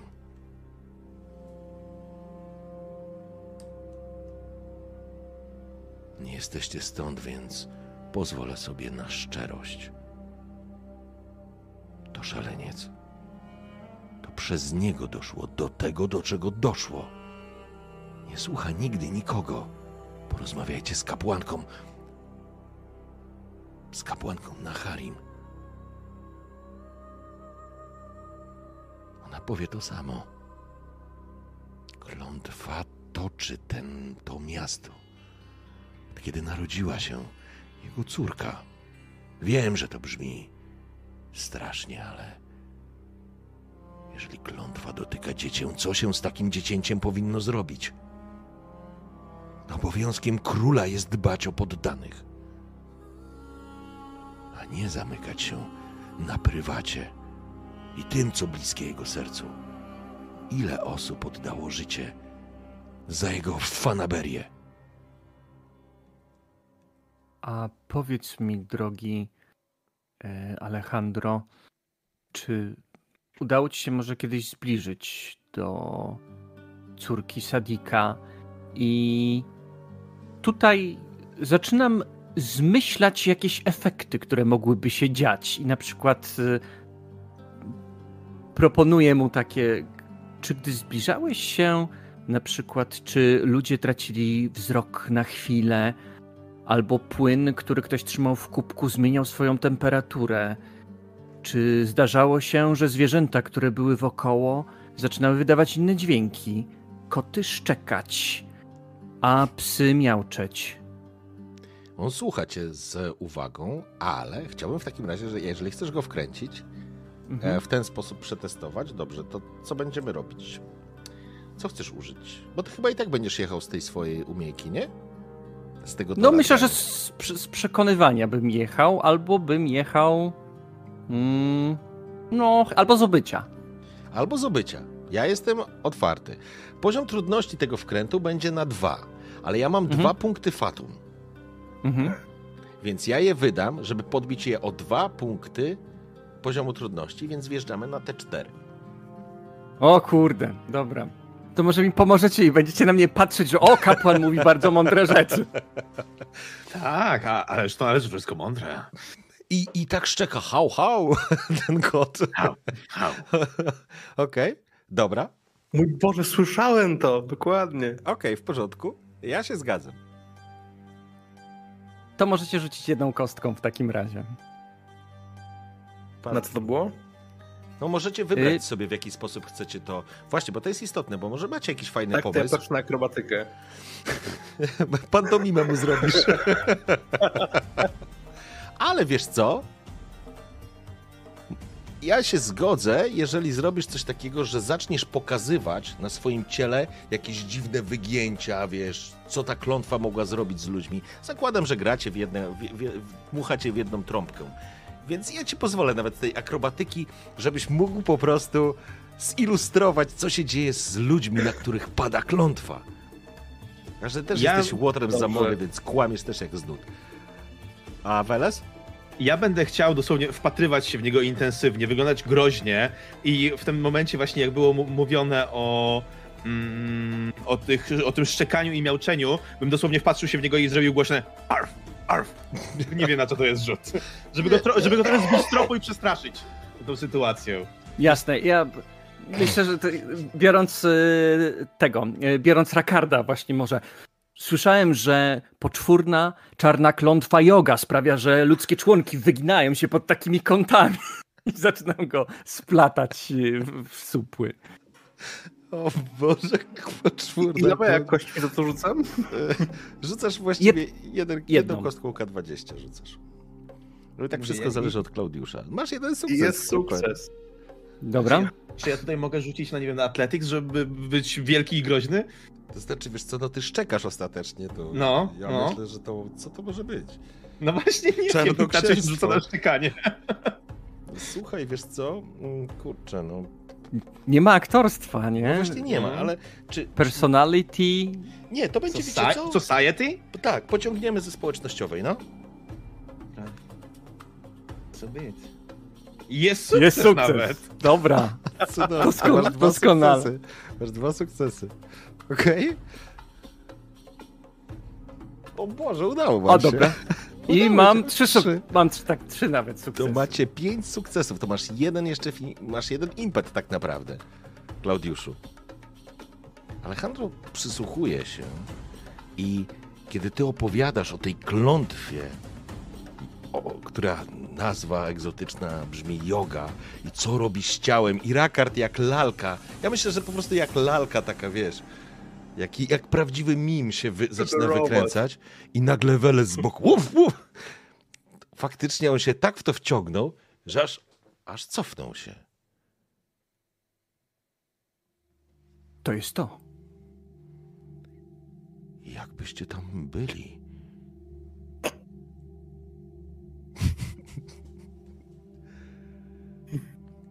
Ale skoro wiecie i rozumiecie, tak konspiracyjnie rozgląda się. Zapłacę wam dwa razy więcej, jeśli dopilnujecie, aby Marcela nigdy nie wróciła do Pajaronu. Przynieście jej ciało, a uwolnicie lud Pajaronu. Zarobicie krocie i zostaniecie bohaterami.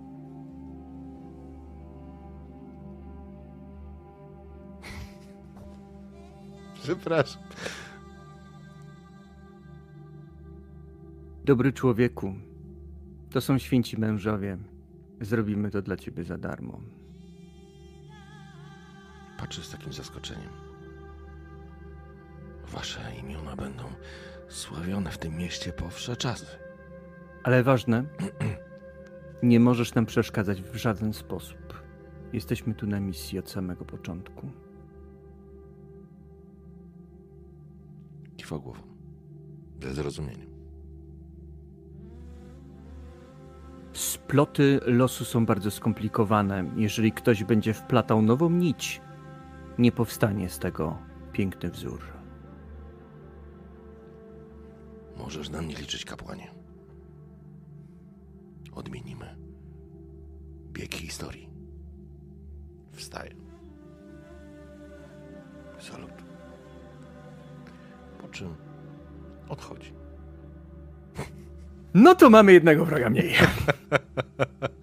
O Boże.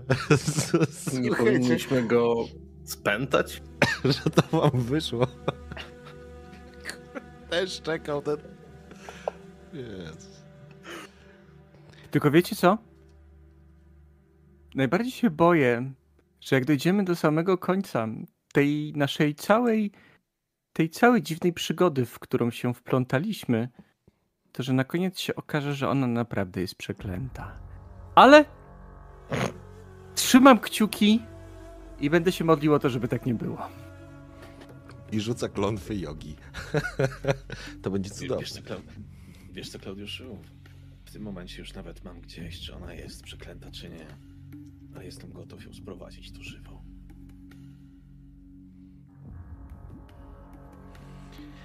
Ja piję dalej wino. I to jest, szanowni, moment, w którym zamykamy tę sesję właśnie pod księżycem w Zingarze, w altanie w, królewskim, w królewskich ogrodach. Dziękuję Wam pięknie za dzisiejszą Dziękujemy. sesję. Ja również.